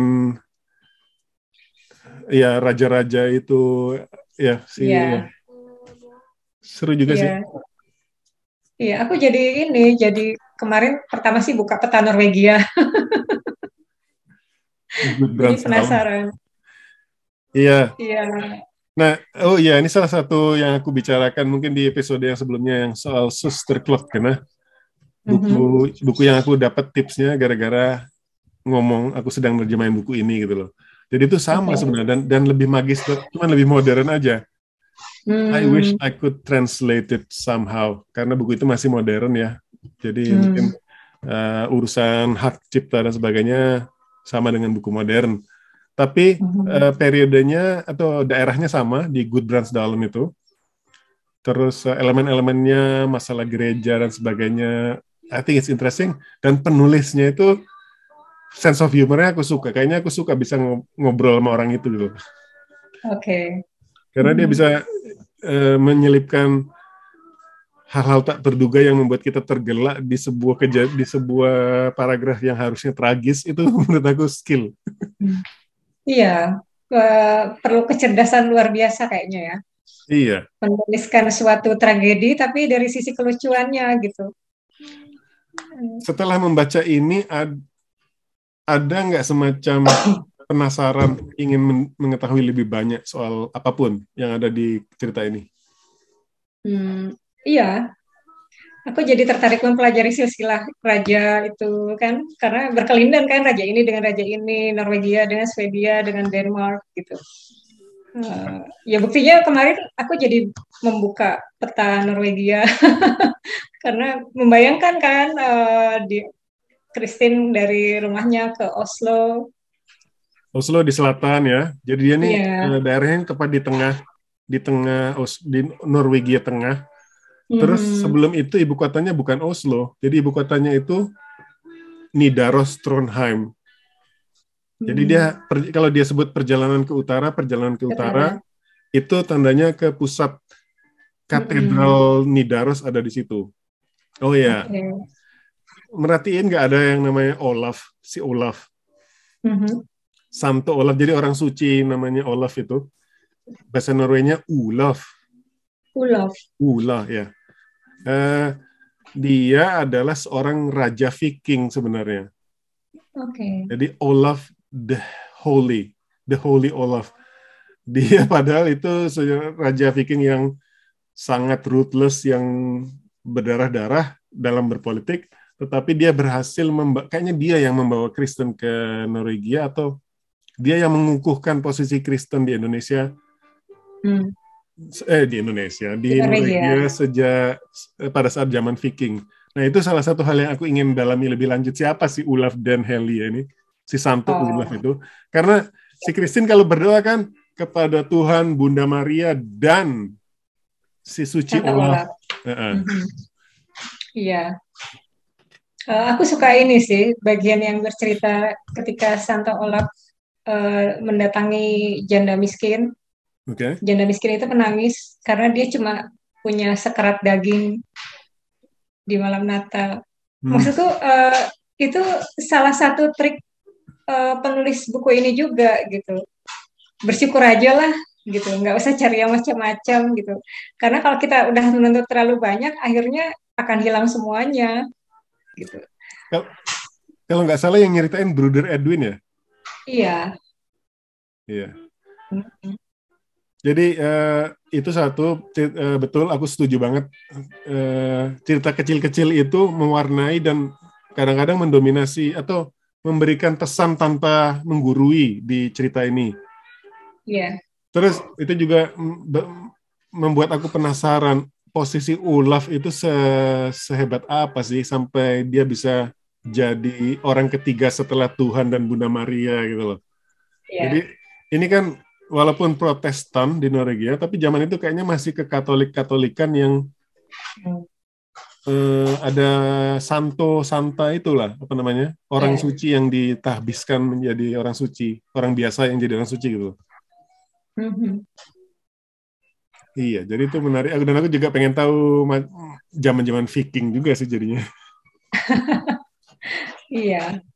Dulu ada serial Viking sih, tapi nggak tahu itu Eh, cerita tentang itu enggak sejarah Viking atau enggak? Ada mungkin elemen-elemen kebenarannya dan itu terjadinya ratusan tahun sebelum Kristin, sebelum masa Kristin. Hmm. Jadi eh, nama-nama La France, Kristin itu nama-nama yang sudah Kristen. Makanya nama sekarang Christian, Kristina, uh, hmm. Yang nama-nama modern itu banyak Kristen banyak nama yang dari budaya Kristen. Sementara nama yang asli kayak Arlan, Rangfri, Brynil, Björgulf, Bentine itu semua nama-nama dari Viking. Hmm. Eirik, Erik, pakai K. Uh, hmm. Aku ingat si Kristin udah punya anak belum di buku pertama belum ya? Belum. Oh ya, oke. Okay. Kan dia baru merasa menyesal Masalah penamaan ini, jadi ada ada yang kasih nama, oh namanya dinamain yang Kristen aja, kenapa enggak? No, no, no, no, kasih nama yang ini, nama yang sangat, yang sangat, uh, kalau orang orang Kristen bilang namanya jahiliyah banget sih nama zaman hmm. dulu. Iya, iya. Itu Jadi seperti di Indonesia mungkin ya, sekarang banyak ya. nama. Iya, gitu. tapi ya kalau Indonesia apalagi orang Padang kan namanya sangat-sangat kreatif. Aku kenal ada orang Padang yang namanya Aristofanes. Jadi udah nggak ada. Iya, ada John F Kennedy ada. Limitless atau ada yang namanya Tuhan juga kan di orang Indonesia. Iya. Uh, iya, itu juga sih. Uh, ah, itu satu lagi. Indonesia itu nggak bisa dibandingin sama Norway karena Indonesia itu multikultural. Norwegia ini monokultur. Jadi seluruh, hmm. walaupun beda dialek sana sini, tapi kan ya itu tadi cuma dua elemennya. Pre-Christian atau after Christian, post Christian hmm. gitu. Kalau kita boro-boro kayak gitu, Pak orang Padang sama orang Jawa sama orang Madura aja uh, caranya memberi nama beda-beda gitu. Iya. Ya, Jawa aja Jawa mana dulu kan? Exactly. Exactly. Tatang Suratang bukan di Jawa Timur ya. iya. Iya. Apalagi elemen yang menarik dari buku ini, Lita? Hmm, ya, apalagi ya? Banyak sih sebenarnya. Iya, aku merasa makin kita omongin tuh makin makin tergali masalah adegan aksi, action. Iya. Menurut, aku tuh, menurutmu gimana? Uh, itu bikin baper sih. okay. Seperti yang uh, pendeta dilempar ke meja itu. Itu oleh pendeta juga kan dilemparnya gitu.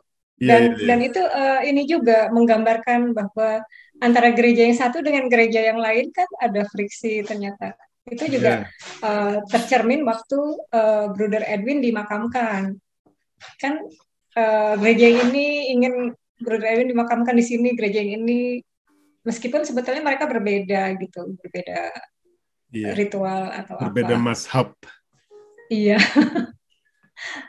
Terus masalah yang aku pikirkan sebenarnya adegan aksi yang lebih ke konflik kayak Elina sama Christine. Mm-hmm. Waktu si Elina pengen merebut Erlen lagi. Uh, oh ya, ya itu itu mengejut, kan? itu shocking loh, mengejutkan loh. Yes, dan solusinya itu juga mengejutkan loh. Mm-hmm. Jadi tapi disimpan gitu aja, bawa mayat ini pakai ski. Iya, dan pinter ya. Uh, ya mungkin karena aku orang tropis nggak terbayangkan juga gitu. Uh, salju akan bisa menjawab masalah ini. Iya. Gitu. Jadi faktor iklim yang bisa membantu gitu ya. Itu kan kejahatan yeah. sebenarnya itu it's crime. Yeah. Jadi nggak kurang-kurangnya sih masalah ini jadi uh, walaupun ini buku klasik adegan bunuh-bunuhan, adegan perkelahian juga ada gitu loh. Iya, iya. Dan agak gamblang ya digambarkannya ya. Iya, iya. Ya karena kalau di kelas beberapa sastra klasik itu kan di beberapa cerita klasik itu kan disamarkan atau diperhalus gitu adegan-adegan kasar gitu aja iya tiba-tiba udah ya, mati tapi, aja uh-uh. tapi di sini gamblang juga diceritakan. Dan itu hmm. bagian yang sangat menyenangkan kalau nerjemahin kalau aku udah udah kebagian itu tuh udah nggak bisa berhenti tuh. Uh asik nih asik nih. Seperti yang kasih ke, tahu ke kamu itu uh adegan itu keren banget. Iya ya. Iya itu aku jadi pengen baca secara utuh iya. baca selembar kadang-kadang ritme nerjemahan itu begitu udah nerjemahin pakaian, udah nerjemahin makanan, oke okay, ini ini bagian yang berat nih. Oke, okay, pelan-pelan. Nanti begitu ada adegan kayak gitu, sering Ya. Kamu sebagai ya, penulis ya. mungkin kalau menuliskan membuat sendiri dunia itu kayaknya lebih seru lagi ya. Iya. Uh, tapi perlu ini sih ya riset terutama sih. Iya. Sama mencari kepingan-kepingan itu kan itu ya itu seperti yang kau bilang simetri-simetri itu kan. Sebetulnya iya. berdiri sendiri tapi terus jadi bisa menyatu gitu. Jadi gini ya, aku sudah sering dengar penulis riset, penulis riset, dan aku pernah waktu ngambil master nyebut kata riset juga, tapi riset yang kami lakukan sangat berbeda gitu loh. Hmm. Uh, nggak ada eh, kalau riset akademis ada metodenya. Jadi kita harus mengumpulkan datanya kayak gini, nanti menganalisa datanya kayak gini, mengambil kesimpulannya pakai teori dasar teori ini gitu kan. Sementara yang disebut riset oleh penulis itu apa sih gitu kan? Makin lama makin tahu aku sekarang dan terutama sejak kemarin dengerin biografinya si Tolkien yang ngarang Lord of the Ring dia membawa riset itu ke tempat yang lebih ekstrim lagi misalnya dia harus cari tahu bagaimana caranya mem memotong kelinci dan membuat uh, gulai kelinci untuk uh, menceritakan itu si Hobbit melakukan itu misalnya. That's mm-hmm. berarti orang-orang yang penulis itu kan bacaannya macam-macam gitu loh. Iya. Kalau nggak salah si Yonesbo pernah tahu ya, tahu Yonesbo? Yonesbo hmm. itu penulis crime writer yang terkenal sekarang di Norwegia, mainstream. Hmm. Uh, dia cerita karena dia harus belajar bagaimana menggunakan senjata, apa beda senjata yang besar sama yang kecil gitu loh. They should know. Uh, walaupun informasi itu nggak ditulis di bukunya, tetapi dia bisa membuat lebih believable or something. Iya. Itu kalau sudah menyentuh detail ya, sudah hmm. menyentuh detail cerita. Tapi kalau aku, kalau untuk menulis itu, kadang ini aku cuma perlu bisa dapat feelnya aja. Oke. Okay. Gitu. Uh, sampai itu menjadi emosi yang menggumpal dan pada akhirnya bisa meledak untuk dituangkan gitu. Oh, uh, dan kadang ngumpulin emosinya itu yang susah gitu aku udah dapat cerita ini udah dapat cerita ini gitu tapi kok biasa aja ya gitu nah itu yang kemudian susah hmm. kalau sekarang kita beranda-anda nih uh, let's say Sigri Unset sedang mencari gumpalan yang siap meledak itu kira-kira gimana itu ya iya uh, itu yang nggak aku bisa bayangkan sih, maksudnya masih sulit aku bayangkan gitu. Seperti misalnya uh, waktu aku baca, oh ya jadi buku Mahkota Bunga ini buku terbaru yang berhasil bikin aku terikat emosi. Sebelumnya itu beberapa tahun lalu aku baca uh, Killing Commendator-nya Haruki Murakami. Haruki Murakami, oke. Okay. Sekitar dua tiga tahun lalu. Keren sih spooky juga gitu. Oh, ciri khas uh, Murakami. Iya, tapi ini spooky-nya beda banget. Oke, okay, oke. Okay. uh, itu, jadi uh, bagaimana bisa dapat uh, emosi itu sampai kemudian bisa bikin uh, dia bisa menciptakan magnet buat orang yang membaca hasil tulisan dia. Itu kan mau merepresentasikan apa yang dia rasa gitu. Iya. Uh, mungkin itu makanya orang-orang menguli-uli kehidupan pengarang ya hmm. untuk mencari unsur-unsur itu karena walaupun aku belum belum mengulik terlalu dalam Sigri Unset ini tapi aku punya kesan kan. Sigri Unset ini wajahnya ada di uang kertas di Norwegia gitu loh. Dan dari wajah itu kelihatan dia ini keluarga ningrat yang tinggalnya di daerah elit gitu loh. Jadi jauh banget sama Christine. Walaupun waktu lihat foto mudanya dia cantik juga, blonde gitu kan. Tapi aku nggak bisa kan kadang-kadang uh, penulis itu alter egonya yang jadi tokoh utamanya kan. Aku nggak bisa membaik kalau dia mau jadi alter egonya Christine itu beda banget dunia mereka gitu. Ya. Yeah. That's interesting too. Ya. Yeah. Atau mungkin Christine itu mewakili uh, keinginan dia uh, dia ingin ada di dunia itu sebetulnya ya. hilang suaranya Lid hilang ya ah udah udah. Udah. Iya. Ini hujannya tambah deras. Iya. Uh, but it's very interesting. Uh, sudah dua jam nih.